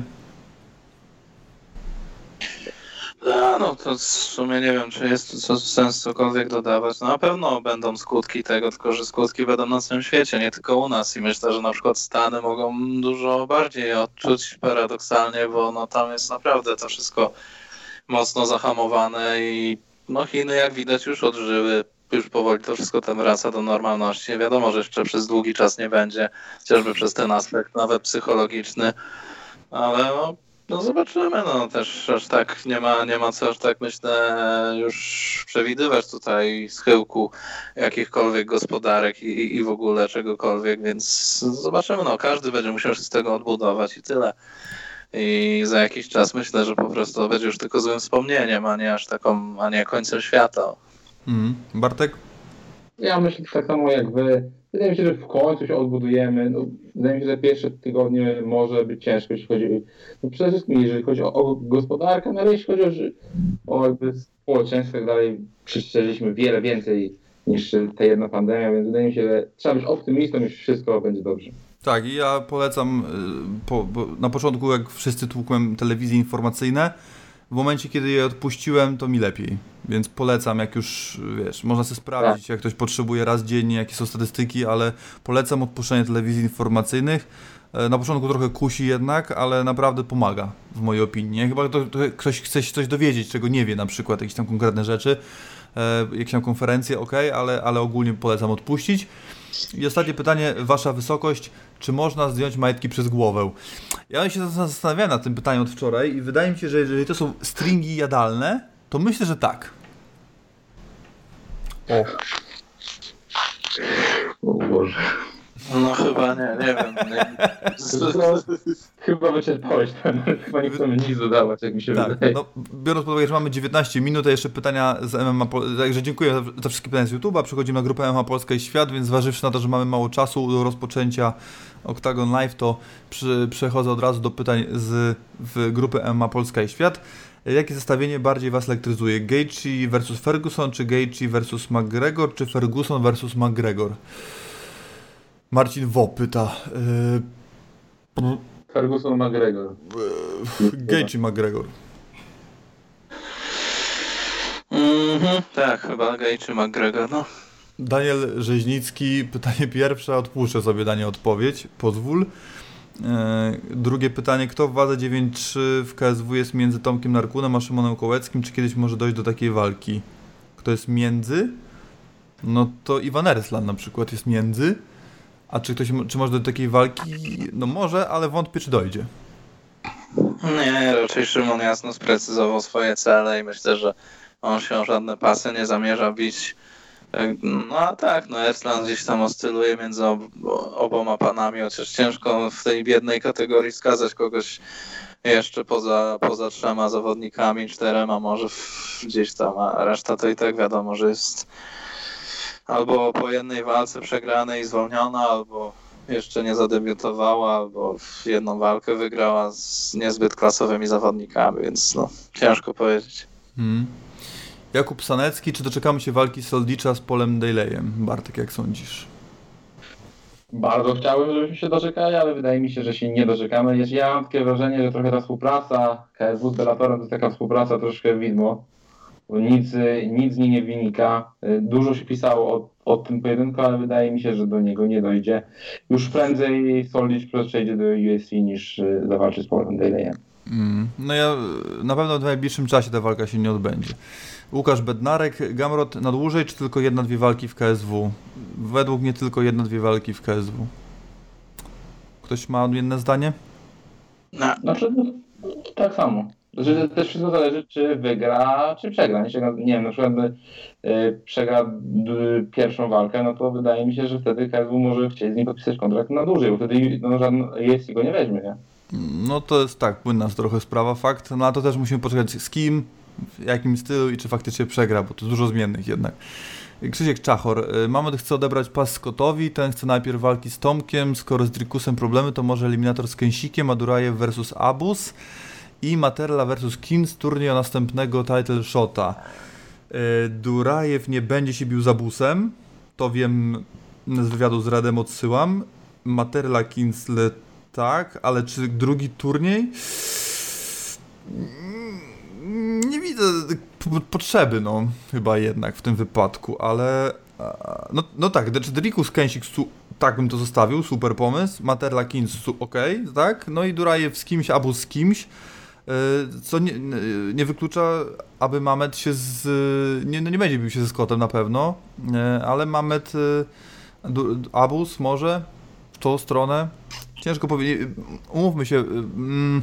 Mamet wrócił, ale Mamet nie wrócił. Chce walki ze Scottem, ok, fajnie. Natomiast Mamet nie będzie takim zwykłym zawodnikiem rankingowym. Na Mamedzie będą budowane karty walk. On będzie main eventowcem więc po prostu walka z Abusem Magomedowym się raczej nie odbędzie, w mojej opinii. I, w, i to, to, raczej tak. Dlatego ten pomysł z Michałem Materlą może wrócić. Taka jest moja opinia. Czy jeśli Kołecki wygra z Jurasem, to powinien dostać eliminator z Erslanem, bo Narkun będzie walczył za Skamem of course. Yy, jeżeli Erslan wygra drugą walkę, to ma zagwarantowanego title shota, więc to trochę niszczy ten plan, ale czy, jeżeli Kołecki wygra z Jurasem, to na pewno nie dostanie eliminatora do walki o pas. O, tak bym to zostawił. Czy Lobow zawalczy w KSW? Jeśli tak, to dlaczego Szadziński jest najlepszą opcją? Mam nadzieję, że zawalczy. Szczerze mówiąc, y, no, no, to jest ciężki temat, ale były rozmowy jakieś, nie pamiętam na czymś to, to stanęło, ale Szadziński oczywiście, że jest super opcją, ale wolałbym Wrzoska, no. Panowie? Albo Sowińskiego. Tym bardziej, że to będzie rewanż. Wydaje Tak, mi się, no, chodzi i- o stylistycznie no. e, lepiej. Znaczy Lobow jako postać gdzieś tam mm, e, no, mocno wypromowana już na świecie. Myślę, że jednak będzie skorelowany z postacią, która również budzi duże emocje w naszym kraju. Także myślę, że to jednak Marcin Wrzosek będzie pierwszą opcją. E, Drugą Szadziński, ewentualne dokończenie jakiejś tam historii z Arturem następ, nastąpi później. E, Rafał Jóźwicki. E, Czy Malina dokonywał kontrolowanych zakupów wątpliwego pochodzenia napojów wyskokowych za wschodniej granicy prosto z Podlady w czarnym krążku na grudziąckim lotnisku? Uwaga, mam odpowiedź na to pytanie od Maliny. Mam tutaj mi napisał wcześniej, czekajcie. E, już mam.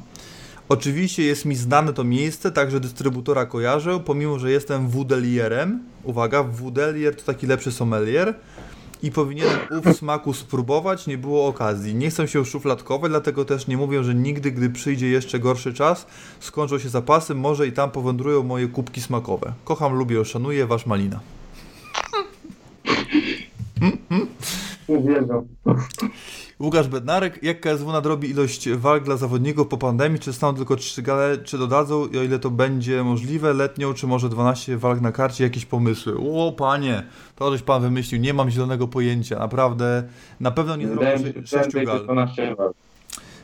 W tą stronę, znaczy tak, myślę, że będzie studio, nawet może przez dwie gale. Myślę, że będzie. Y, Będą starali się na- nadgonić i jeżeli coś się skończy na przykład w czerwcu, w sensie, no nie, na 1 30 dnia czerwca, nieważne, wróci opcja imprez y, do 300 osób czy tam masowych, bez znaczenia, no to myślę, że, z, że cztery gale się pojawią, ale to wszystko. Myślę, że nie będzie sześciu. Eee, też zależy, jak inne kraje do tego podejdą, bo wtedy gala za granicą mogłaby być opcją. Otwarcie granic ma znaczenie, jest dużo zmiennych. Wydaje mi się, że cztery gale max. Myślę, że minimum jedna, dwie, jedna na pewno, może dwie studyjne i ze zwiększoną liczbą, liczbą walk. Tak to widzę. Oj, tutaj trener Jeruszka i od razu y, wszystkiego najlepszego z okazji urodzin trenerze, bo dzisiaj trener Jeruszka ma urodziny. E, I tutaj są pytania. Y, Pytanie do Grześka. Opowiedz o tym incydencie drogowym z pożarem w tle. Cieszę się, że je- cały jesteś, najważniejsze. No tak, no to najważniejsze jednak mimo wszystko. No wybierałem się wtedy właśnie do chłopaków, do Mariusza, do Maliny na wieczór wojowników. Już byłem tak gdzieś, no jedną trzecią drogi pokonałem, zatankowałem, siadłem do samochodu, jechałem i nagle tam, jak są te takie kratki z, te z ogrzewania, nie wiem jak to się fachowo nazywa, no to stamtąd, y, znaczy nie, to od początku w zasadzie to radio mi zgasło, to, to od tego się zaczęło. No wiesz, to takie śmieszne nie było dla mnie. Nie, no ja wiem, akurat. wiem, no, z perspektywy, że radio zgasło. Jakby. Radio, znaczy zgaśnięcie radia było początkiem nieszczęścia. No.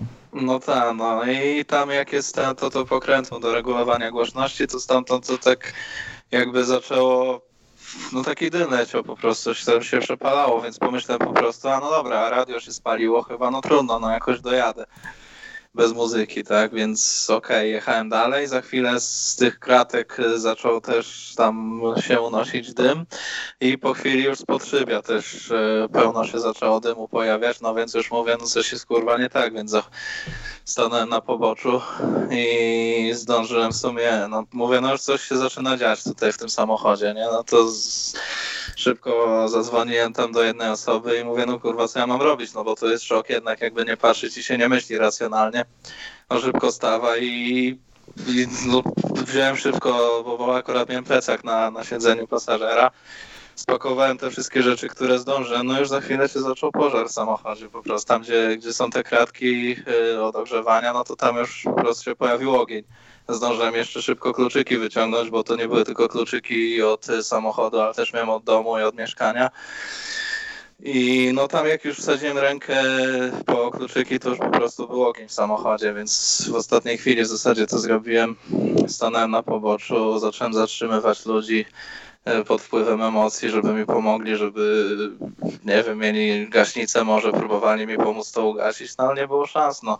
Jak straż przyjechała na miejsce, to ponad godzinę gasiła ten samochód, więc z taką gaśnicą to co najwyżej, nie wiem, papierosy sobie można zgasić, a nie palące się auto, więc na auto się doszczętnie spaliło, no na szczęście no mi się nic nie stało, jechałem sam, więc też może lepiej, bo nie wiadomo jak pod wpływem paniki by to wszystko się inaczej wydarzyło, jakbym jeszcze z kimś jechał, drzwi się nie zacięły, no zachowałem w miarę możliwości zimną krew i, i wszystko co mi się udało, no to uratowałem, no ale no, takie życie, no.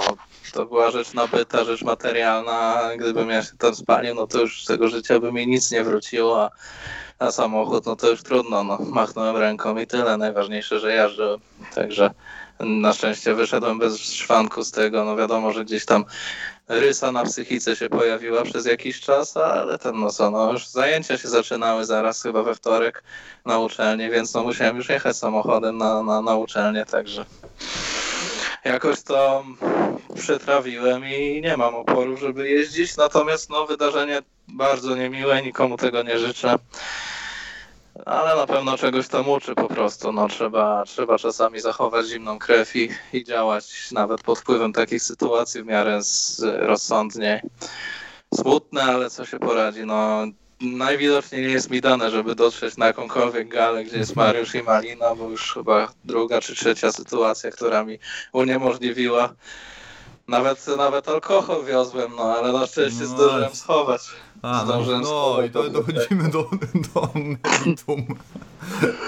No, no to także już trochę z przymrużeniem oka, no bo jednak po, po takim czasie już mam dystans do tej sytuacji, ale przez parę dni naprawdę było dość ciężko się potem pozbierać, no ale jak to się mówi, what doesn't kill you makes me stronger, także. To jest.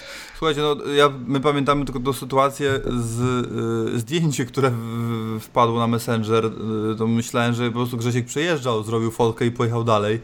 A to tak nie wyglądało, tylko wyglądało tak, jak to opowiedział. Także no to chwilę grozy też my przeżyliśmy, e, będąc za, za czy za komputeru, no bo nie widzieliśmy, co się dzieje najzwyczajniej w świecie, więc najgorsze jest brak wiedzy i, i dezinformacja.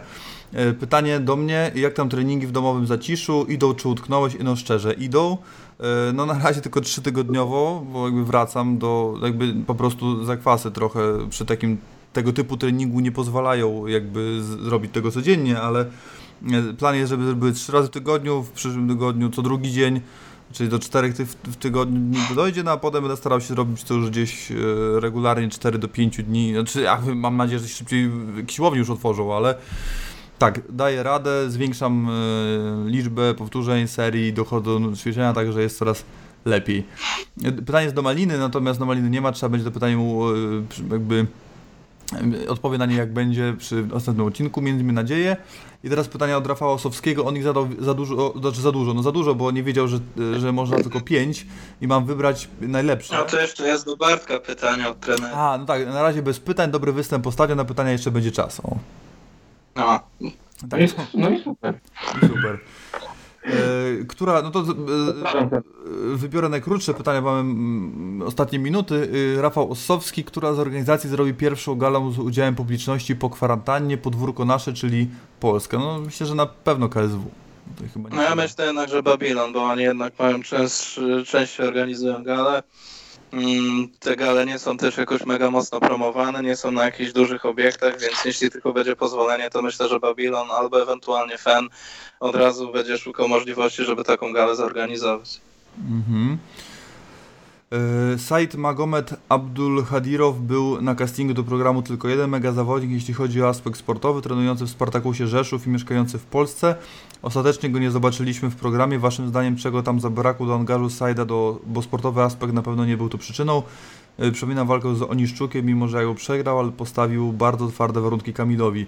Myślę, że z racji tego, iż e, najmniejsza liczba osób z tych, którzy panowie, z tych panów, znaczy inaczej, Jakbyśmy zestawili Sajda z całą resztą, która trafiła do programu, to jest on najmniej rozpoznawalny, a to bardzo istotny aspekt też jest również dla Polsatu e, i wydaje mi się, że e, po prostu przyciągnąłby najmniejszą publikę swoją, swoich fanów i też e, mnóstwo ludzi pewnie nie wie, no jakby nie ma pojęcia jakim jest site, w jakim języku nawet pewnie nie wiedzą, się porozumiewa i nie znają jego historii.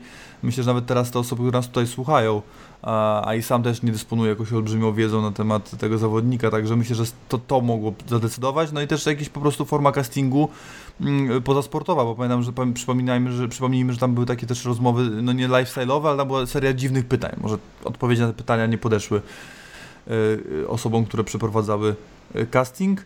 Czy zobaczymy jeszcze Tomka Drwala w KSW? Myślę, że tak. Mm.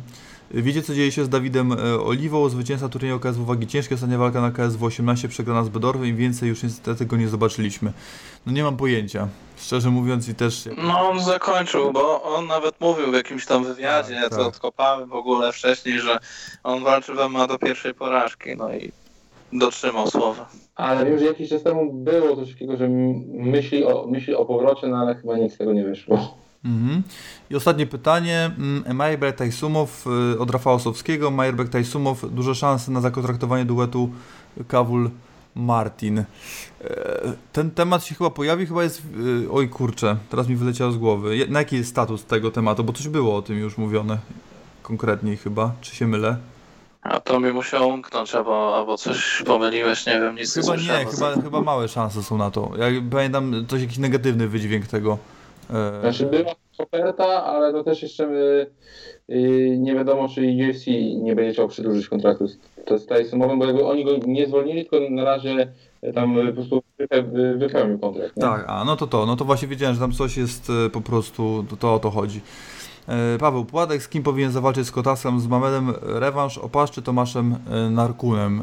No z Tomaszem Narkunem w mojej opinii. Bartek? W mojej też. Nie no, z, mam, z Mamedem o pas to nie ma sensu, jeśli nie. tylko w tych dwóch pojedynkach mamy wybierać, to zdecydowanie z Tomkiem. Tym bardziej, że Tomek tego go chce, Scott tego chce, to trzeba zrobić. Z jakiego dokładnie powodu Tyberiusz Kowalczyk nie wróci do startu w MMA i czemu po KSW 5 nie chciał walczyć z Erkojunem, skoro nie może? No to już na, na to pytanie chyba odpowiadaliśmy, jestem prawie pewien. E, to pytać tak. trzeba Tyberiusza po pierwsze, no ale po drugie chodzi o kontuzję. No on to, żeby chciał, to jest jedno, ale ciało chyba jakby mu nie pozwoli na to. Yy, uważacie, że Popek i Strachu zawalczą jeszcze w KSW? Mam nadzieję, że nie. Mm, nie, raczej nie. Myślę, że nie, ale znaczy inaczej. No, Maciej Kawulski chce, żeby Popek wrócił, no to. A występ y, Tomka Oświecińskiego chyba jest uzależniony od występu Artura Szpilki i myślę, że to może być połączone, znaczy ja połączone. Yy, a, a występ Artura Szpilki nie jest wykluczony, to pewnie tylko nie w najbliższej przyszłości po prostu. Czy uważacie, że Krystian Pudzianowski podpisze kontrakt z KSW? Jeśli nie, to jakiej federacji będzie zawodnikiem? No nie wiem, jakiej federacji będzie zawodnikiem, ale czy podpisze kontrakt z KSW? No myślę, że, że to nie jest wykluczone. Tak bym to ujął. No ja myślę, że też, że jest szansa na to, że tam się znajdzie niebawem. No tak samo. I to mógłby być e, rywal Artura Szpilki. Też jest taka opcja. E, I pytanie e, piąte, no jest sześć, ale zadam tylko pięć, e, wedle zasad, jakie tu panują. Który walent za granicę dla Izu na pierwszą walkę? Nie mam pojęcia, szczerze mówiąc. Nie zastanawiałem się nad tym, kto mógłby być rywalem Izu na pierwszą walkę. Erko Jun? Znaczy, pomijając fakt, że to, to fajnie jakby był to Tomek Serara ogólnie, ale, ale nie wiem, co kto, jeżeli z zagranicy, to nie przychodzi mi nikt do głowy. Myślę, że ściągnięcie zawodnika typu mm, jakby były kickboxer a, czy striker, e, który w MMA sobie gdzieś tam już poczyna, może być zbyt dużym wyzwaniem jednak, bo to nadal kickboxer. E, także ciężko powiedzieć. Myślę, że e, rywal będzie dostosowany do aktualnego poziomu IZU i, i tak to bym zostawił, a kto nim będzie, nie wiem, bo nie wiem na jakim poziomie MMA jest IZU. Yy, Aleksandra, aha, no to, to nie jest, to, to nie, jest, nie było pytanie, to już Marta na ten temat przeprowadziła, to jakaś dłuższa rozmowa w ogóle, więc zostawiam temat. Yy, Marcin VO, kto wygrałby waszym zdaniem starcie Nate Diaz versus Ferguson, Nate Diaz versus Habib? W obu wypadkach yy, przegrałby Nate Diaz w mojej opinii. Bartek? Mhm. No tak samo, no, no, no nie ma powiadu. Mimo, mimo faktu, że bardzo lubię Nate'a Diaza, jego podejście do życia i tak dalej, to sportowo bardzo, bardzo odstaje od obu tych zawodników. Mhm. Yy, Grzesiek? Tak, tak, zgadzam się z wami. Nate Diaz nie miałby szans żadnym zawodnikiem tu z tych wymienionych. Czy kiedyś myśleliście nad zawodowym MMA? No to Grzesiek się już wypowiedział, ja nie myślałem, Bartek? Ja myślałem, ale nie lubię biegać, lubię jeść, więc się wykluczałem te rzeczy. Malina też lubi jeść, ale on dalej ma marzenia. Jest 16, no ale mam nadzieję, że ktoś z nami chce zostać, to niech z nami y, to niech zostanie, będzie nam bardzo miło, a my dokończymy te pytania i wtedy sobie przejdziemy już na, na kanał sportowy. E, Jakub Banaszczyk, jeśli w wolnej chwili coś czytacie albo oglądacie, to rzućcie jakimiś fajnymi e, tytułami. No to dużo tego tematu było w sumie. E, no więc ja ostatnio oglądałem dokument o Rondzie Rousey, bardzo polecam. Bad Boys bardzo polecam. Jumanji Next Level tak średnio. Platforma mocno średnio. Pozdrawiam Jana Błachowicza i Dorotę Jurkowską. To oni polecili ten super film. W lesie dziś nie zaśnie, nigdy nie polecam bardzo. Hejtera polecam. Dom z papieru bardzo, bardzo polecam. A tak na szybko. A, coś jeszcze. A Blood, Blood, Bloodshot e, z Winem Dieslem, spoko. Jak ktoś lubi Wina Diesla oczywiście i tego typu pro, produkcje, to tak. To tak na szybko. A to do czytania to jestem w trakcie i to już trwa bardzo długo. Biografii Kuby Wojewódzkiego. Bardzo fajna, no ale strasznie długa. Bartek? Jeśli chodzi o książkę, to ostatnio skończyłem e, Mameda Halidowa, e, e, tam biografię. Teraz będzie, będę się zabierał za walki stulecia Andrzeja, Andrzeja Kosteryny. Jeśli chodzi o co no to ostatnio na Netflixie pojawił się tam siódmy sezon w garniturach. Bardzo, bardzo, bardzo polecam ten serial.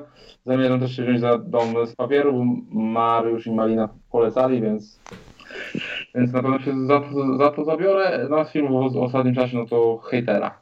Oglądałem i jest mega film. Mm, Grzesiek? No nie będę ukrywał, że ja nie mam pamięci do tytułów filmu, więc e, odpowiem na to pytanie w kolejnym odcinku. Przejrzę po prostu co oglądałem na Netflixie, zrobię taką listę pięciu tytułów, które według mnie warto obejrzeć i odpowiem na to pytanie na początku kolejnego, jeśli pozwolisz, drogi pytający, bo, bo no, naprawdę ciężko jest mi zapamiętywać tytuły filmów. Po prostu kojarzę fabułę, wiem o czym był, ale wiem, że były taki film. E, no i tu zarysuję delikatnie fabułę, może ktoś teraz na czacie mi podpowie, jak się nazywał. E, o niewi, niewido, nie, to była tak, niewidoma kobieta, która mieszkała w lesie, była pisarką i e, no właśnie ktoś tam próbował ją napaść ogólnie w tym domu, tak Niewidoma kobieta, w lesie nie zaśnie nikt. nie, no właśnie jakoś tak inaczej to nazywało. Był też, e, były też dwa filmy ogólnie A. Ja wiem, o czym ty mówisz. To Sandra Bullock ją grała? A nie wiem, nie wiem. Nie, to, to, tam było coś takiego, że zasłoń oczy, że trzeba było zasłonić oczy, bo inaczej się A to no to właśnie o tym chciałem teraz powiedzieć, A. ale to nie, to nie ten film. Tak, to było też fajne bardzo. E, dwa filmy takie, że jeden to był taki, że nie można było gadać, bo w ogóle nic powiedzieć. Jakikolwiek hałas e, po prostu przywoływał potwory, które zabijały ludzi. A drugi to był, że nie można było w ogóle patrzeć, tak? Trzeba było mieć cały czas zasłonięte oczy, bo jeśli się e, po prostu spojrzało gdzieś, no to też przylatywały potwory i zabijały. No znajdę te tytuły, może ktoś w komentarzach to napisze i znaje więc po prostu powiem dokładnie o tych filmach w przyszłym odcinku, bo teraz naprawdę no, nie, nie odpalę już Netflixa, bo nie mam na to teraz czasu, więc przejdźmy dalej. Jak y, dbać o tężyznę fizyczną w takiej izolacji? Rowerek stacjonarny, trening z własnym ciężarem ciała, czy może jeszcze coś innego? No więc tak jak ja wspominałem, trening z własnym ciężarem e, ciała e, plus e, gumy, takie gumy, gumy, no nie wiem, to się chyba nazywa, to gumy treningowe, o. Więc tyle.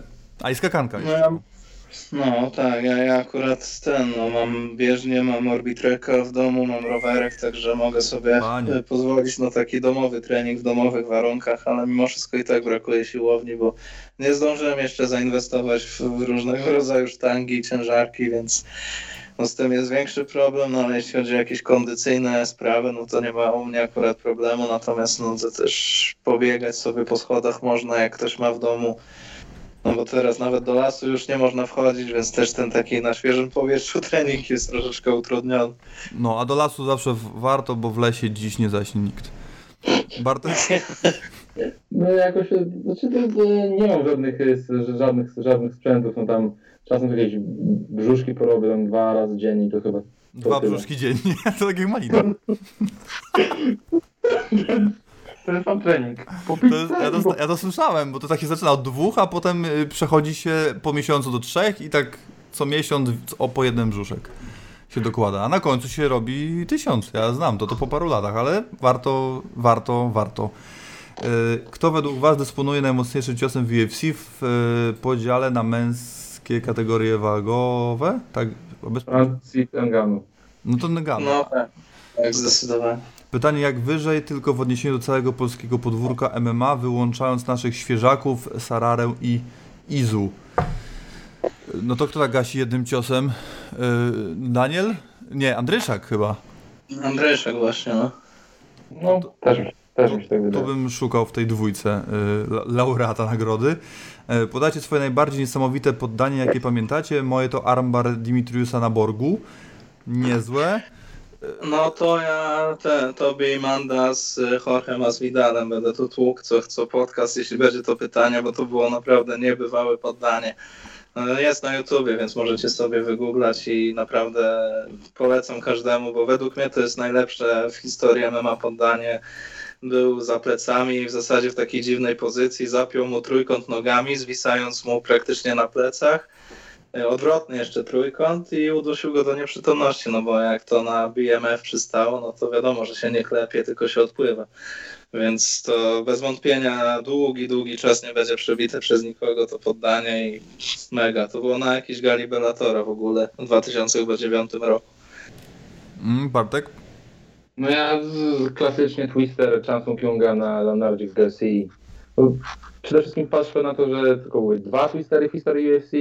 Pierwszy był Chansung Kyunga. No to jest bardzo trudno do wykonania te, technika, bardzo rzadko stosowana i naprawdę bardzo, bardzo ciężko jest, je, jest, ją, jest ją założyć. Mm, No to ja z kolei, tak, no, Dimitrius super, ale y, mi się podobały bardzo y, żeńskie MMA z kolei, czyli chyba druga albo trzecia walka w karierze Rose y, Namajunas y, w Invictie, latająca balacha, genialne to było. No i myślę, że, że, że pół kariery Rondy Rousey tak naprawdę, no bo tam wszystko kończone prawie. Wow, Mariusz pochwalił Rose. No tak, tak, ale Ronda Rousey, no myślę, że no kilka walk, nie będę tutaj w konkretnych wymieniał.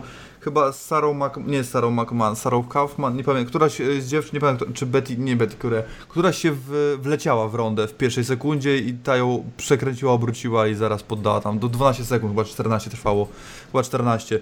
Nie pamiętam, czy Sara Kaufman, która to była z zawodniczek, ale e, z rywalek, ale tak, no tutaj Ronda i, i, i Rose, no bo no, latająca balacha to, to jest sztosa, biorąc pod uwagę leciutką Rose, no to też to wyglądało bardzo efektownie, efektowniej niż e, przy cięższych zawodnikach. Tak na szybko, myślę, że bym coś lepszego znalazł, ale na razie mi nie przychodzi. I to było ostatnie pytanie, bo pytania Fabiana zostały, on je wrzucił tutaj, ale też zostały zadane na e, e, na grupie patronów, także przykleił, żeby było e, sprawiedliwie. Szybko uciekam na czat i zaraz, powo- zaraz, zaraz powoli. Zaraz będziemy kończyć, bo to już 3 godziny 8 minut.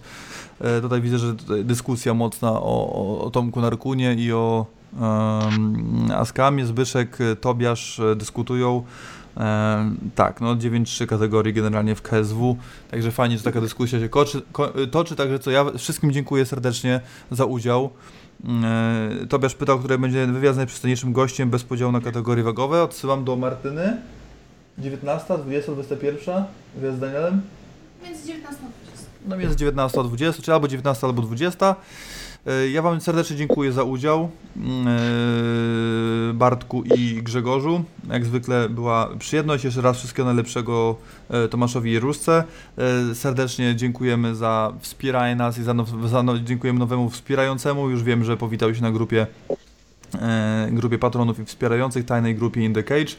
Dziękujemy za wszystkie mm, donaty, te z super chatu i te z tip and donation, e, już 192 zł, 1 grosz, a 6% do celu, już celu uzbierane, także super, powoli, małymi kroczkami do przodu. E, Dziękuję, że byliście z nami. Pozdrawiam serdecznie Karola Westlinga, który z nami był. Mam nadzieję, że takie, e, takie tacy goście też jak Karol Westling będą przez Was e, e, milej, miło i przychylnie przyjmowani, a ja będę starał się, żeby tych gości, żeby zawsze na jakimś live'ie był gość. Mam nadzieję, że wasza grafika, znaczy no, moja nowa grafika wam się podobała. E, Piszcie oczywiście w komentarzach, jak się podobał i odcinek. E, Jak macie jakieś pytania, też piszcie jakieś e, nurtujące was kwestie. Ja wam serdecznie dziękuję za 209 odcinek EMA Tonight i 9 Q&A, drugi odcinek live, także serdecznie było mi miło was gościć. Uciekamy, życzymy miłej niedzieli, zdrówka, siedźcie w domu, trzymajcie się e, ciepło, e, trenujcie oczywiście, oglądajcie ma, oglądajcie In The Cage, śledźcie nas na e, YouTubie, Instagramie, Twitterze, wszędzie gdzie się da. Także co, serdecznie jeszcze raz pozdrawiamy, dziękujemy. Prowadzącym byłem ja, Olkiewicz Mariusz, a pomagali mi Bartosz Oleś, Siemanko. I Grzesiek Nielubiak. Do usłyszenia. Tak jest. I serdecznie oczywiście dziękujemy e, Martynie za pomoc w ogarnianiu czatu. Jak będziecie chcieli, żeby dziewczyny wpadły na przykład za tydzień razem, e, Martyna razem z Paulą, to piszcie. Postaramy się je e, namówić. Także jeszcze raz serdeczne dzięki, trzymajcie się do następnego piona.